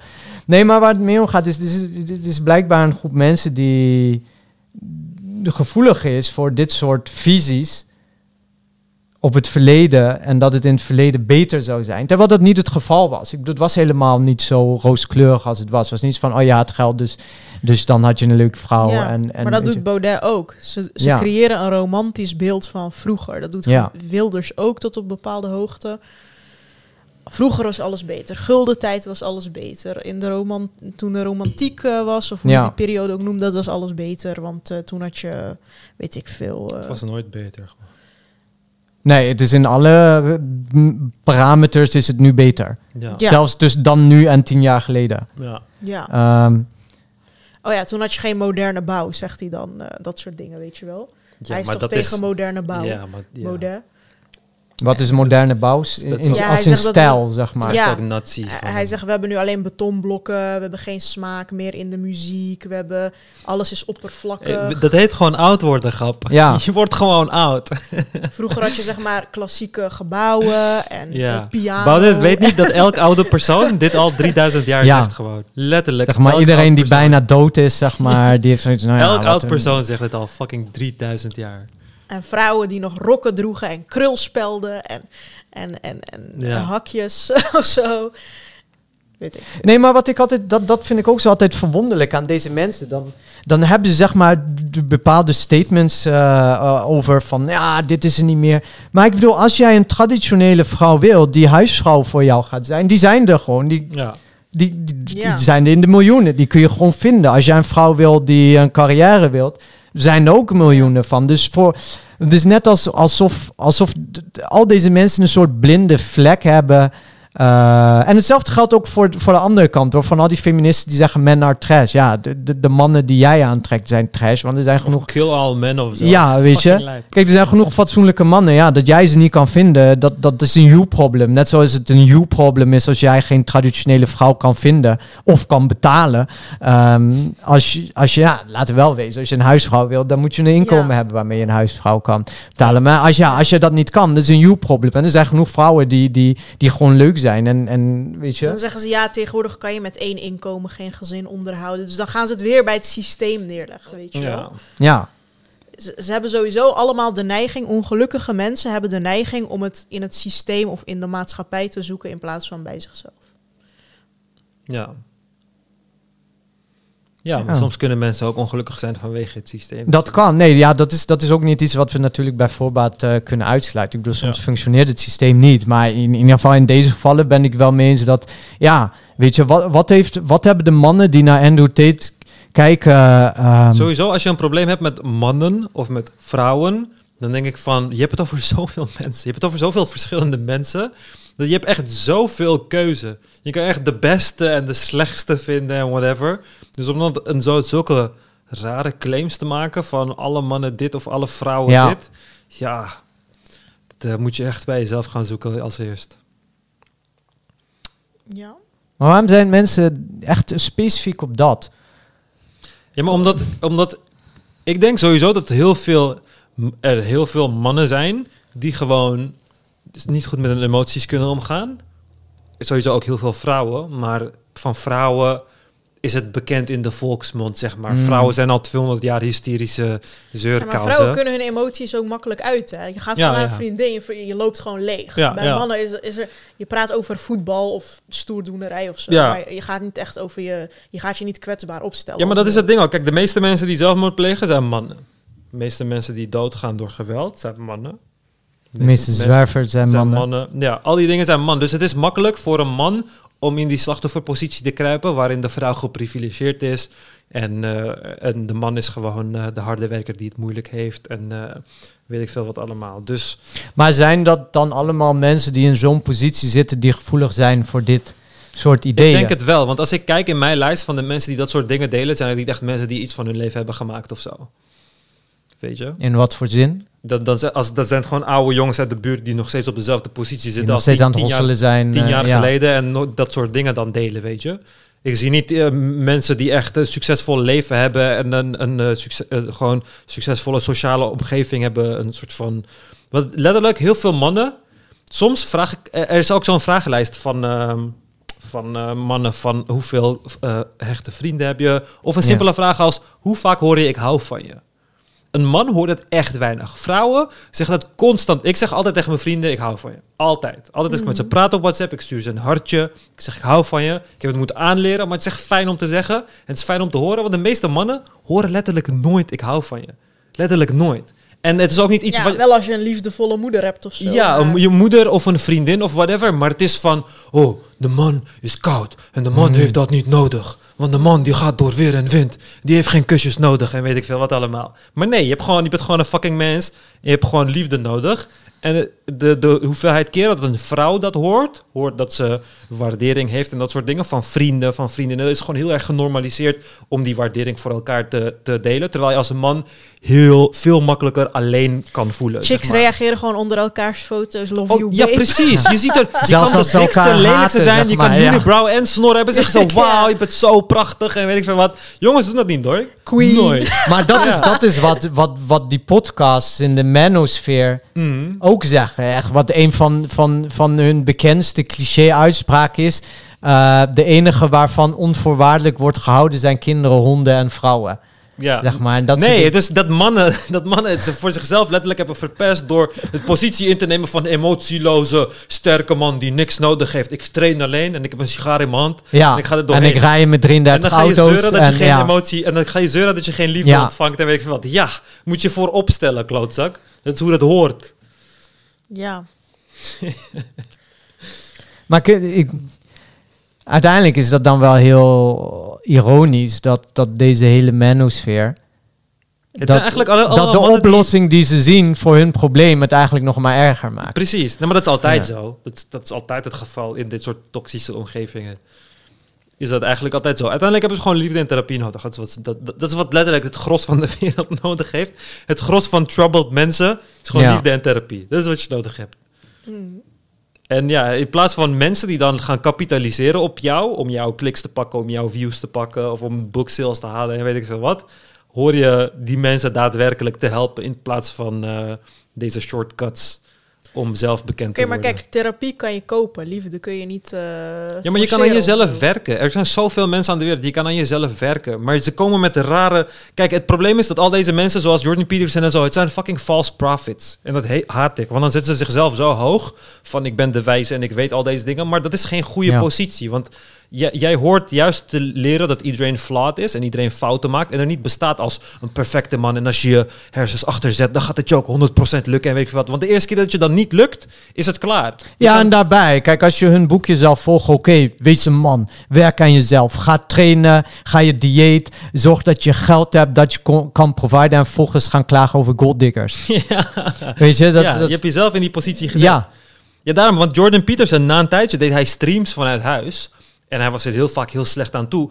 Maar je zag zijn huis en zijn kamer was troep. Het was altijd troep. En ik dacht van, ja, maar je eerste regel is clean up your room. Weet je? Dus als je kamer niet schoon is, waarom zou... Hoe... Ik zie al dat ik jou niet serieus kan nemen. Stel je voor dat mijn hele... Ik heb een hele filosofie en mijn eerste filosofie is rook geen jointjes. Dat is de eerste regel van mijn filosofie. Ja, hoe serieus kan je mij dan nog nemen? Het kan Ja. toch niet? Dus het is zo raar. Dat zijn die, omdat al die, ik denk ook omdat heel veel jongens die dit deel missen van de opvoeding. Ik denk dat het komt door absente vaders of.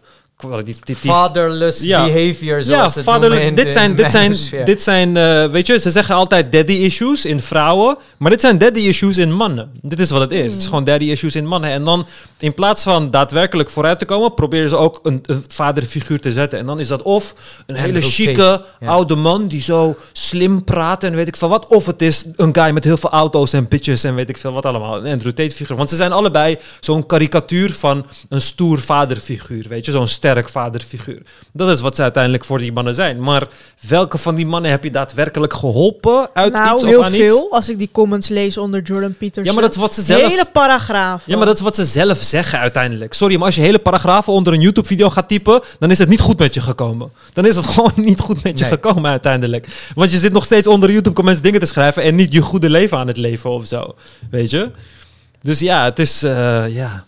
Nou, ik, kijk, ik geloof wel dat Jor- Jordan Peterson ehm, wel waardevolle inzichten kan hebben. Kijk, ze- 100%. zeker Ja. voor die groep mannen, zeg maar. Zijn Kijk, heeft zich alleen zijn laten- ultieme bestsellers. Ja, hij heeft, zich- hij heeft zich alleen laten meeslepen door, omdat hij zag dat zijn populariteit in de rechtse, rechtse sfeer kwam. En omdat die mensen hem als eerst aandacht eh, gaven, hij door de media ook in dat hoekje werd gezet. Toen ging hij alleen maar meer die richting op. Toen begon hij opeens over ja, hij, klimaat te praten. hij bedient eigenlijk de vraag. Precies, dat ja. is- Ja, dat, moet je dus niet doen. Nee. Ja, maar daarom, en dan heb je in principe gewoon je ziel verkocht. En dan neem ik je niet meer serieus. Want dan de, spreek je alles tegen wat je net hebt gezegd, letterlijk.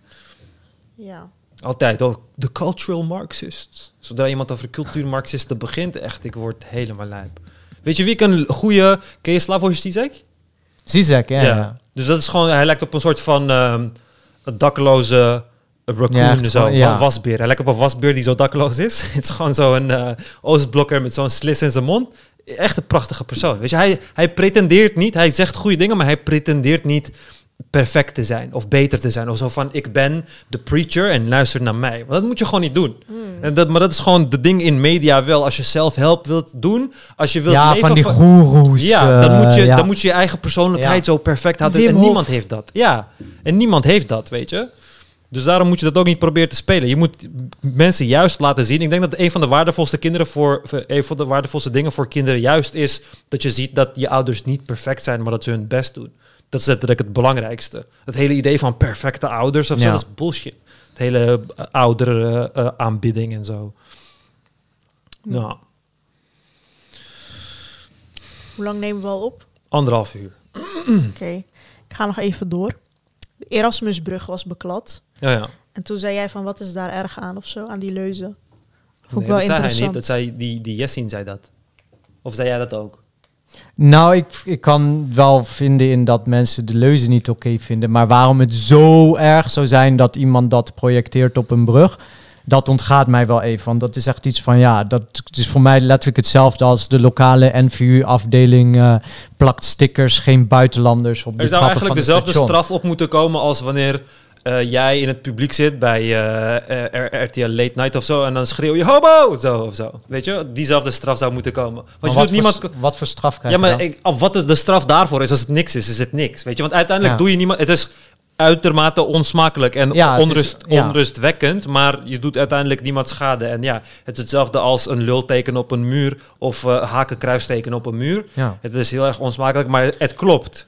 Het is kut, je kan er niks tegen beginnen, want uit- uiteindelijk doen ze niks verkeerds. Maar dat, ook, dat is ook het hele idee. Want in hun Ja. hele manifesto van die White Lives Matter Telegram staat ook geen schade veroorzaken en geen geweld.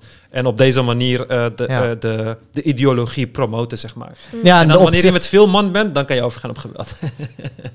Maar je Nee. hebt ze gehackt. En je Nee, ik heb ze niet gek. Ik ging in die groep, dus ik wilde erachter komen wie het waren. Ik vind het nog steeds Ja. jammer dat de media nog steeds niet erachter gekomen is wie de fuck het is. Want er was eerder een campagne in Rotterdam ook, dat er stickers werden geplakt op ehm, GroenLinks, PVDA, volgens mij VVD, Van verkiezingsposter. voorpost of Ja, niet? van land, dat? landverraders en eh, eh, Nederland moet wit blijven en White Lives Matter en zo. En dat werd gelinkt aan een Telegram eh, groep. En dat is de Telegram groep van White Lives Oh, Matter ja. Nederland. En ja, die hebben gewoon een Europese kanaal. En vanuit daar hebben ze allemaal kanalen voor verschillende landen. En dan proberen ze dat soort acties te doen. Gewoon zoveel mogelijk leden werven. Geen geweld gebruiken. Geen schade doen. Zoveel mogelijk de ideologie verspreiden. Dat er leden komen die dan al die video's kijken en het leesmateriaal lezen. Dus jij weet wie het heeft gedaan. Eh, ja, ik weet niet de identiteit, maar het is in ieder geval die groep. Want ze hebben dus op 28 december een video gepost waarbij ze een stickeractie doen en exact dezelfde laser hebben. waarmee ze het op een muur projecteren zo. En ja, gezien het 28 december was, is de kans groot dat zij Dat het het waren. dezelfde mensen zijn. Ja. Ja, kijk, ik vind ook van... Kijk, Maar ieder- moet je dan Pegida ook eh, graffiti laten eh, spuiten op een muur met, eh, weet ik veel... nou, graffiti is verboden, maar... of, eh, verf of leuzen. ja, maar dit is eigenlijk licht graffiti. Zou dat verboden zijn? Mag ik een lul projecteren op het Koninklijk Huis? eh, ik denk het wel. Of nee, een lul is waarschijnlijk openbaar. eh, nou ja, op zee. Ja, ja, ja, ja, maar gewoon een boodschap. Ja. Nee, ik denk dat het wel mag. Maar het punt is, is dat, kijk, iedereen, iedereen mag elke politieke ideologie hebben, zolang jij je aan de regels houdt die we hier hebben. Mhm. Zeg maar, dus niet dat je knokploeg gaat hebben of mensen in elkaar gaat slaan, maar ehm, kijk, als er verder geen, geen wet is die zegt dat je niks met een, met een lamp mag projecteren op de Erasmusbrug, ja, dan, dan, dan is dat niet zo schokkend of erg. Kijk, we kunnen het niet eens zijn met de ideologie. Maar dat die mensen bestaan, dat weten we. En de, niets houdt een ander tegen om met dezelfde lamp op de Erasmusbrug Black Lives Matter te gaan projecteren. Ja. Of Ja. Baudet is een lul. Of eh, Geert Wilders is een racist. Ik bedoel, ehm, ja. Ja, maar het hele doel is ook om mensen boos te krijgen, zodat de andere kant juist irrationele dingen gaat doen, zodat Ja. je de, de schuld aan die kant kan zetten. Want hun hele idee is dat. Want bijvoorbeeld in die groep doen ze ook, gaan ze samenkomen en dan gaan ze op parkeerplaatsen of in bepaalde zalen gaan ze vechtsporttraining geven aan elkaar en zo. Weet je, dan doen ze vechtsporttraining omdat ze zich klaar moeten maken voor de strijd en zo. Maar ze houden alles zo vaag mogelijk. Dus ze gaan nooit zeggen van, oh, we zijn een leger aan het opbouwen Ja. of zo. Weet je, dus je houdt het, je houdt het allemaal in de, binnen de lijnen van de wet, zodat je niks strafbaars doet. Je doet eigenlijk helemaal niks strafbaars, maar je krijgt de andere kant wel fucking boos. De andere kant steeds bozer wordt en bozer wordt en de politie kan niks en de vet kan niks, want ze doen helemaal niks. Totdat de andere kant over de streep gaat, weet je. En, En dan zijn eh, zij de En dan is slachtoffers. van, kijk, geweld komt altijd van links. ja. ja. Kijk, dat is hoe het, het gaat gebeuren. kijk, het zijn ontegenzeggelijk zijn het verknipte mensen met verknipte ideeën en waarschijnlijk ook hele verknipte plannen. Dus dat, Ja. dat de IVD daarop zit, is goed. Uh, dus op dezelfde manier hebben we bijvoorbeeld ontdekt ehm, dat de salafisten heel vaak façadepolitiek hebben. Dat ze het Mhm. ene verhaal vertellen aan de gemeente, maar binnenshuis een heel ander verhaal. ja, exact hetzelfde. En, en, en zo moet je deze lui ook aanpakken. Goed, Precies. is prima. Zolang je aan de regels houdt, wees maar lekker nazi. eh, Neem je hakenkruisen, whatever je wil hebben. Zet maar we gaan jullie wel eh, afluisteren en een infiltrant plaatsen voor de Ja, zekerheid. precies, tuurlijk. Want, Ja. want, want als je dit soort indicatoren, nou ja, dan mogen we jou ook eh, in de gaten houden. Als jij evident geen eh, mainstream normale partij bent, dan, ja, dan gaan we ook even kijken wat je allemaal aan het doen bent. Ehm, Ja. maar waar ik dan een beetje moeite mee heb, is die hele overtrokken eh, reactie erop. Al- Alsof we op het punt staan om op de trein gezet te worden naar Auschwitz of zo. Mhm. Want dat is ook niet aan de orde. Het zijn nog steeds zijn het randgroeperingen. Eh, moeten deze beg- groeperingen bestreden worden? Ja, zeker. Of Maar dat is een beetje hoe de media tegenwoordig werkt, toch? Alles wordt een beetje opgeblazen. Ja, maar dat is kwalijk, want dan krijgen we geen... ehm, Dan gaan de talkshows er allemaal over. I- iedereen gaat aanschuiven. Ja, is echt erg. Rechts, rechtsextremisme komt op. maar daar hebben we niks aan. Ja. Kijk, we kunnen wel met z'n allen wijzen naar die mensen van... oh, dat zijn mensen met slechte ideeën. ja. Eh, maar als we het niet over hebben, over hebben van wat ze, vinden wij dat de juiste ideeën zijn, ja, hoe verwachten we dan dat mensen die juiste ideeën eh, ja. gaan overnemen? Maar Ja. media werkt tegenwoordig zo dat, dat je geld verdient of kliks krijgt door sensatiedingen. Ja. Controverse. Dus Daar maar doen grote kranten tegenwoordig ook aan mee, als je goed Mhm. oplet. Alles wat gewoon een beetje gevoelig ligt, slavernij, excuses, ik zeg maar wat. Overal zie je dat helemaal uitvergroot worden, bla bla Mhm. Oké, bij slavernij, excuses, dat is historisch. Oké, dat snap ik nog. Maar ook dit, weet je wel. Oh, eh, pushmeldingen, weet je wel. Ja. Erasmusbrug. Maar zelfs kleinere dingen. Weet je waar het AD en het RTL en eh hoe heet die andere? De Stentor. Weet je wat voor verhalen ze nu schrijven? Publiceren. Mijn vriend ging vreemd eh, ja, met... bijna real life soaps gewoon. Ja, gewoon shit die je vroeger nog ineens bij Hart van Nederland zag, zeg maar. Maar waarom schrijft ze dat? Omdat dat zijn emotionele verhalen. Er zit een enorme conversie op, op social Mm. media. Ja. Dat is waar mensen op klikken.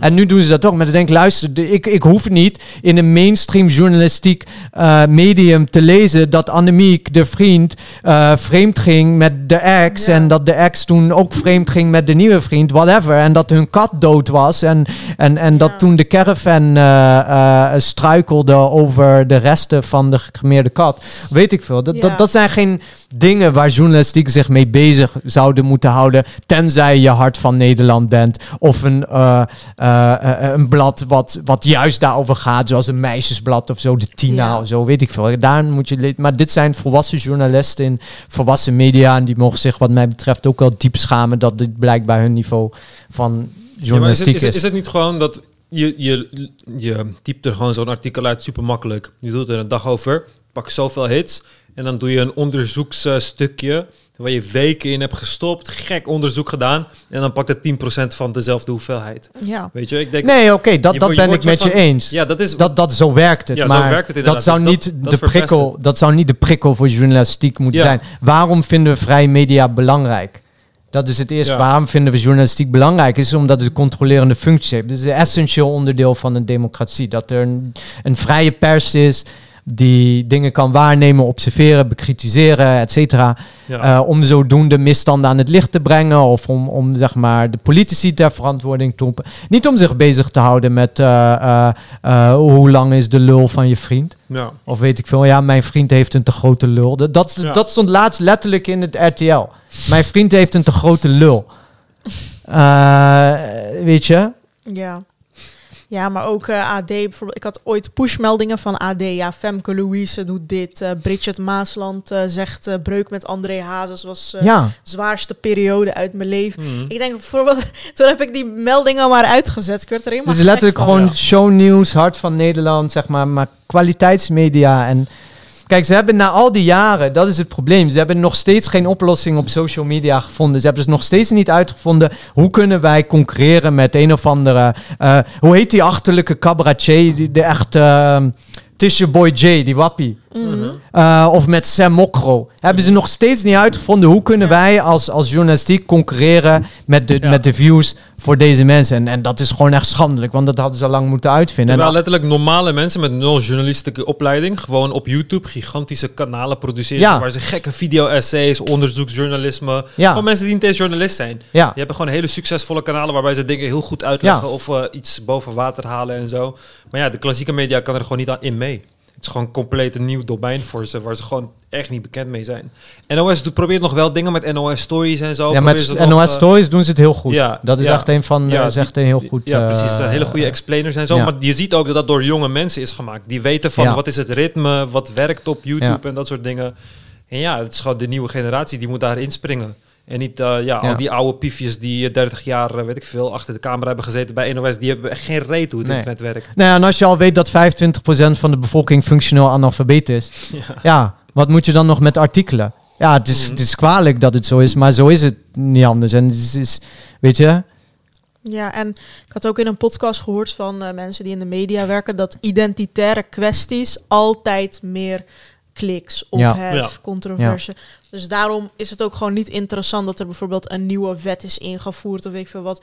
Als jij iemand kan uitnodigen die eh, is omgebouwd of eh, in Oekraïne net is geweest en dan met zijn soldaatkleding bij op één wil zitten, want dan moet hij wel zijn, eh, zijn soldier Ja. kleding aan hebben, terwijl het helemaal niet relevant is. Ja. Of een eh, eh, politie heeft verwondingen opgelopen met nieuwjaar. Dan moet je een agent zoeken die daarover wil praten en die zichtbaar een verwonding heeft. Ja. Anders is het gewoon emotioneel niet interessant. Ja. A- Als een agent gewoon nuchter erover wil Ja. vertellen of zo, ja, dat is wat minder interessant, zeg maar. Transgender man gives birth to non-binary partner's baby with female sperm donor. Dat soort Ja. dingen dus. Ja. Ja. Ja. Ja, maar eigenlijk, zou er niet eigenlijk... Kijk, er is op Sublime FM... is er de nieuws van de vooruitgang. Weet je? En ik vind dat zo leuk, want het is alleen maar positief nieuws. Ja. Dus zou er niet eigenlijk zo... een zo'n mandatory eh, verdeling moeten zijn... dat elke dag je gewoon 10 slecht nieuws en 10 goed nieuws...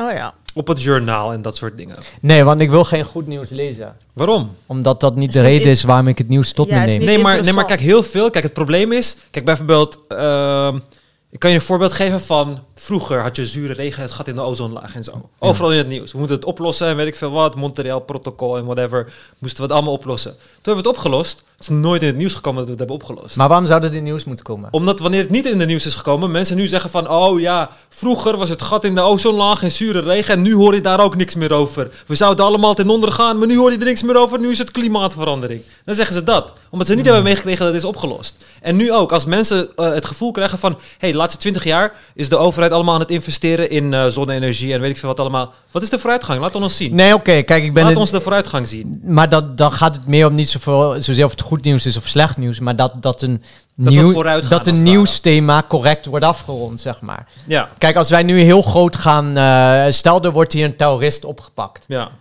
Ehm, en het blijkt geen terrorist te zijn. Hmm. Dan moet er wel opvolging gegeven worden. hè, En zeggen van, Ja, man, tuurlijk. blijkt geen terrorist te zijn. Want dan zijn Tuurlijk. mensen, ja, dus laatste terrorist opgepakt. Hebben we nooit meer van wat van gehoord. Ja. Weet je, oké, dat, dat is zo. Dingen moeten goed worden afgerond. Maar kijk, aan dat veel goed nieuws, gewoon omdat het positief nieuws moet zijn. Soms zie je wel eens van die berichten, brandweer haalt kat uit boom. Weet je, Ja, maar niet ja. zo, niet op die manier, maar gewoon bijvoorbeeld van, eh, oh, dit jaar is het eh, door, door investeringen in weet ik veel wat onderzoek, hebben we de laatste vijf jaar minder doden door alvleesklierkanker Ja. of zo. Weet je, dat soort dingen. Nee, Dat maar mensen- kijk, dat, dat is het. Dat, dat is want heel veel mensen, omdat ze werken en bezig zijn de hele dag, of de, de, Ja. het hele leven, krijgen ze niks eh, door van de verbeteringen die we Ja. hebben, de vooruitgang die we boeken. Nee, maar dat, En is, ook, dat is ook relevant nieuws. Kijk, we hebben investeringen gedaan.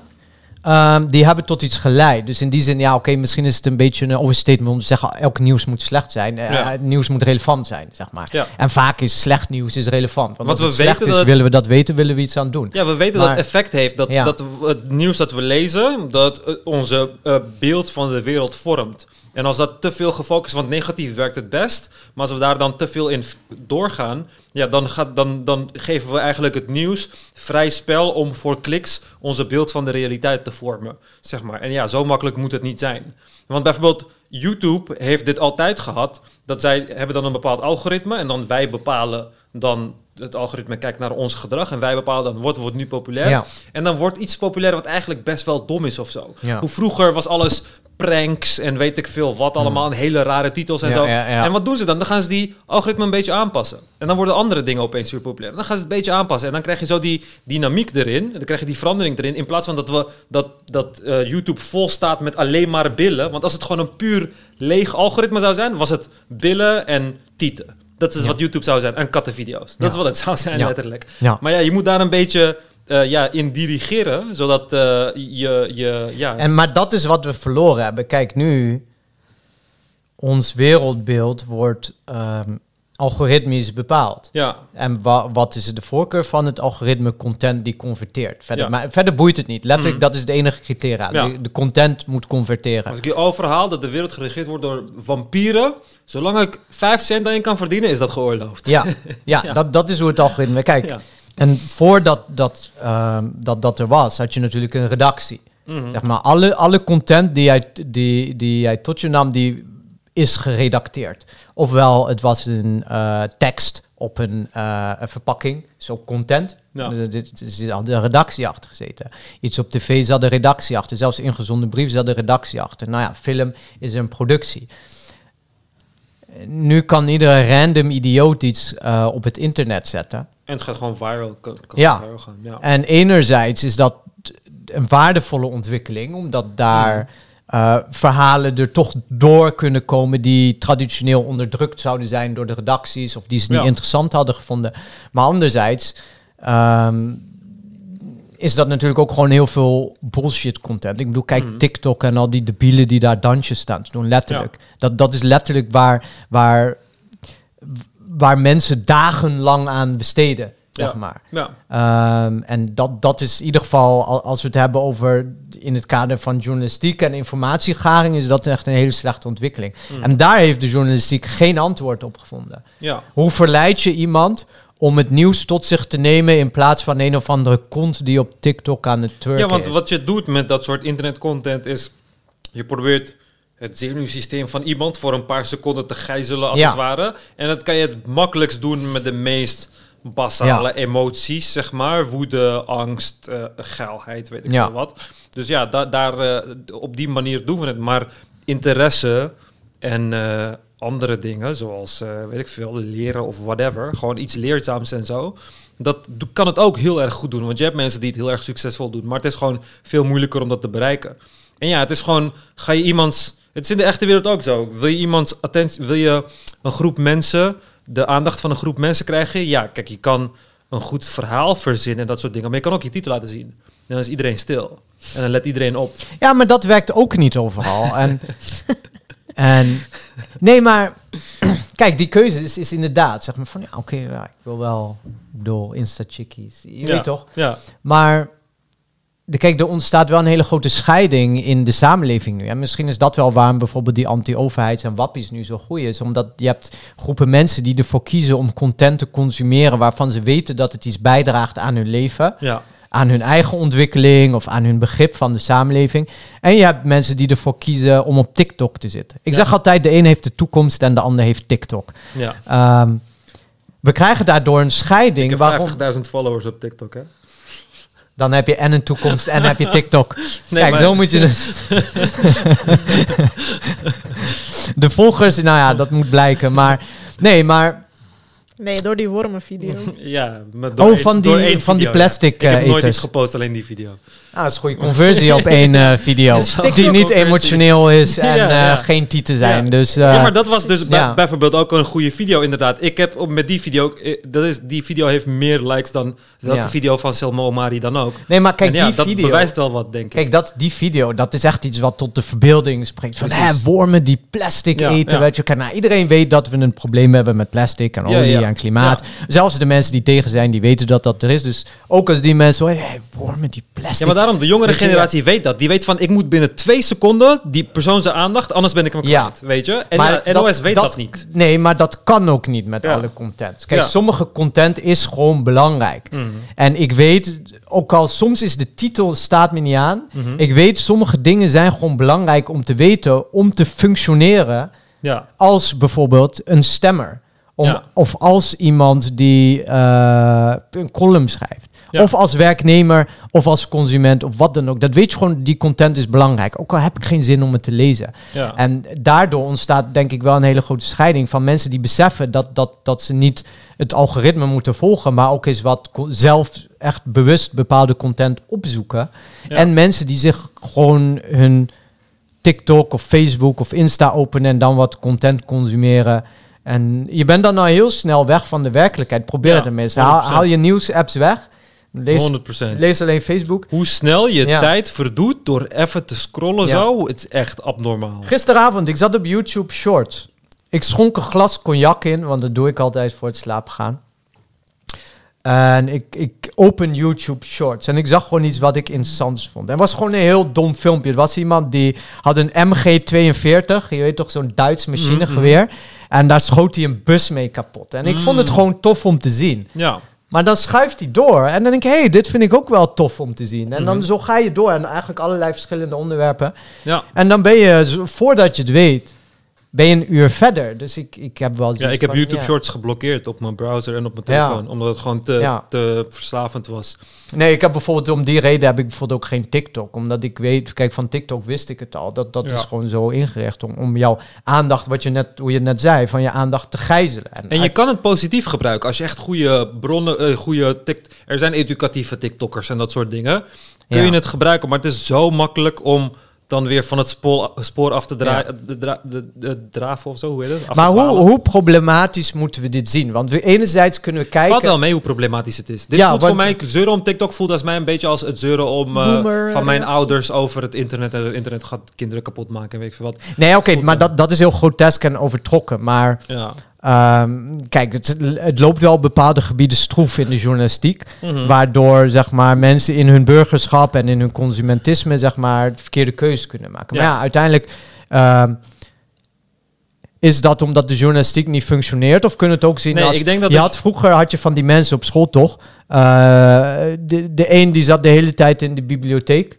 ja. En de ander die ging joints roken eh, bij het voetbalveld. Ja. Zo, weet ik veel wat. Nou ja, die mensen die in de bibliotheek zaten, die zijn over het algemeen zijn die beter terechtgekomen dan de mensen die... Ja. Ehm, dus uiteindelijk zijn het wel eigen keuzes. Maar ja, als we weten dat ehm, je eigenlijk gegijzeld wordt...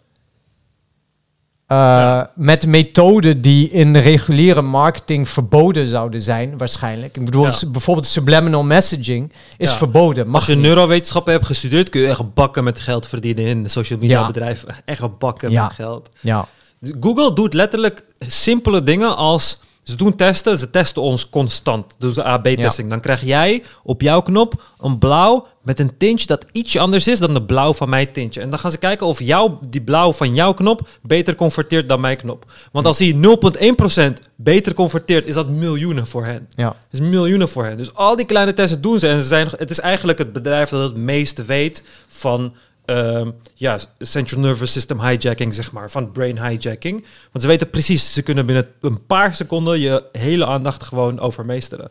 En ja, daar zijn ze fucking goed in en daar proppen ze alle geld in. En niet eens voor kwaadaardige doeleinden of zo, maar gewoon om wat ad- advertenties te verkopen. Ja. en zo. Gewoon meer omzet te hebben, reden. ja. Maar ga je Ja. dan niet een eh, jeugdgeneratie krijgen die geen Franse woordjes meer uit zijn hoofd kunnen leren omdat ze Ja, 100%. eh, afgeleid worden door hun telefoon? Maar je kan, je kan die dingen ook daarvoor gebruiken. Bijvoorbeeld, mee, ik ken niet... Kijk, ik heb gewoon scheikunde-examen op VWO-niveau gedaan. Ik ken niet al het periodiek stelsel der elementen ken ik niet uit mijn hoofd. Mijn zusje heeft geen scheikunde gestudeerd, zij kent het uit haar hoofd. Omdat ze ooit een liedje heeft gehoord Ja. op YouTube van het periodiek stelsel der elementen en dan het gewoon zo heeft onthouden, bijvoorbeeld. Weet je? Ja. Dus het hele Ja, het, idee... het gaat om de vorm waar je het in pakt. Ja. Want wat, bijvoorbeeld, toen ik in die short zat gisteren, op een, geen- op een gegeven moment kwam er een voorbij.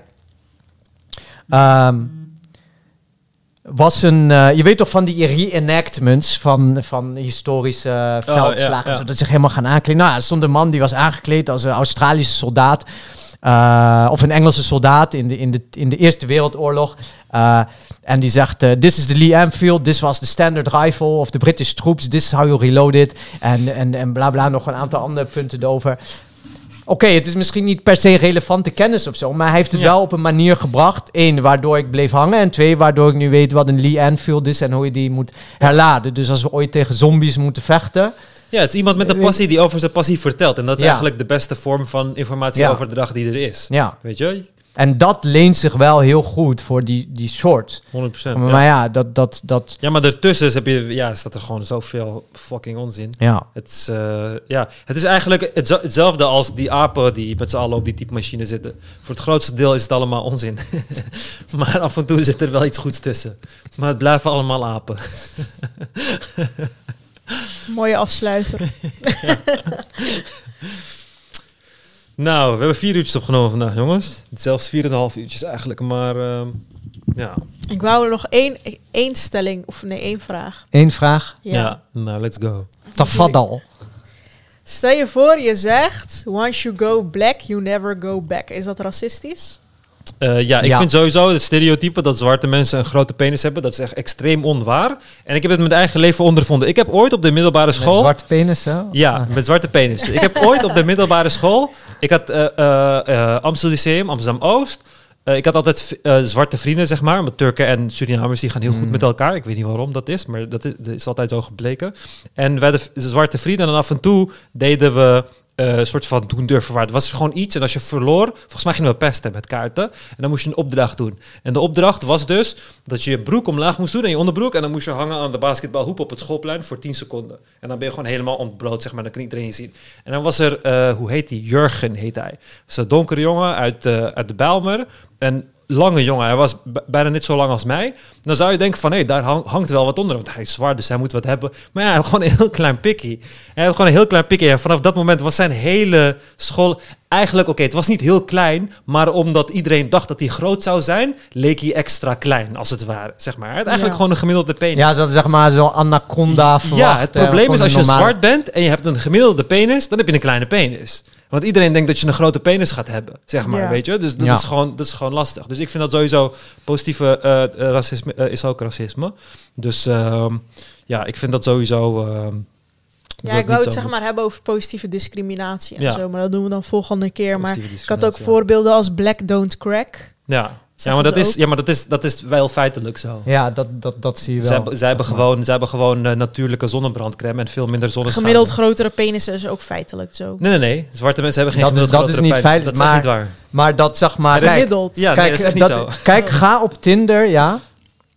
Eh, rij in Tinder naar een gebied waar betrekkelijk weinig allochtonen wonen. En zet dan je filters op, nou ja, laten we zeggen, eh, 32 tot 37 jaar. Die mensen zien er letterlijk uit alsof ze 100 zijn. Ja. Echt, echt, je gaat je verbazen, zeg maar. Dus, dus, Mhm. dus, wat, dus dat er in, in dat het gebrek aan eh, melanine, nee, of weet dat? Zeg Ja, maar, wat- melanine. ja, melanine. Dat dat effect kan hebben over hoe jij veroudert. Mm. Dat is op zich niet racistisch. Dat, dat, dat kan zo zijn, maar... Oké, gemiddelde penislengte van eh, Koreaanse mannen. En van Nigeriaanse mannen. Oké? Ja. Nigeriaanse mannen 13,12 centimeter. Mhm. Nigeriaans is gewoon hart van Afrika, hè? Gewoon Ja. blekker krijg je gewoon bijna niet. Koreaanse mannen 13,53 centimeter. Gemiddeld Echt? gezien hebben Koreaanse mannen zelfs eh, 0,4 centimeter Ja. eh, eh, langere eh, penissen. Hoe Erect. kan dat? Ja, omdat het... het, kijk, als, als het een oud groep is, als het een, als het een groep is die makkelijk te...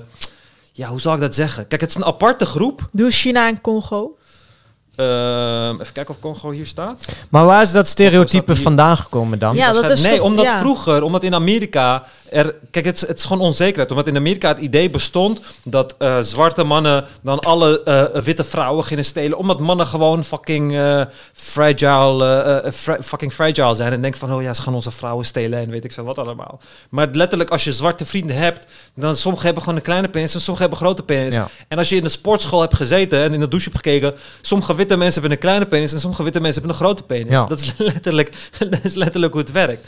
Maar het feit dat jouw melanin content gekoppeld zou zijn aan je penislengte, dat is niet eh, logisch, zeg maar. Want het is logischer dat het gekoppeld is aan je lengte bijvoorbeeld, dan aan je huidskleur of aan je ras of whatever.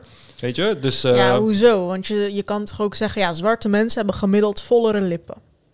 Dat is toch ook waar? ja, maar dat is ook niet waar. Want wat zijn zwarte mensen? Er zijn zwarte mensen met Ja. dunne lippen. Kijk maar eens naar Somaliërs. Oké. Ja, maar daarom. Kijk, het konst, de- maar dat is zeg maar dat, dat gesprek wat we hebben over. Kijk, in die zin, rassen bestaan niet. Ik bedoel, ook tussen eh, wat we witte mensen zouden noemen. ehm, mensen uit het Oostblok zien er anders uit dan mensen uit West-Europa. Ja. Subtiel, maar ze zien er toch anders uit.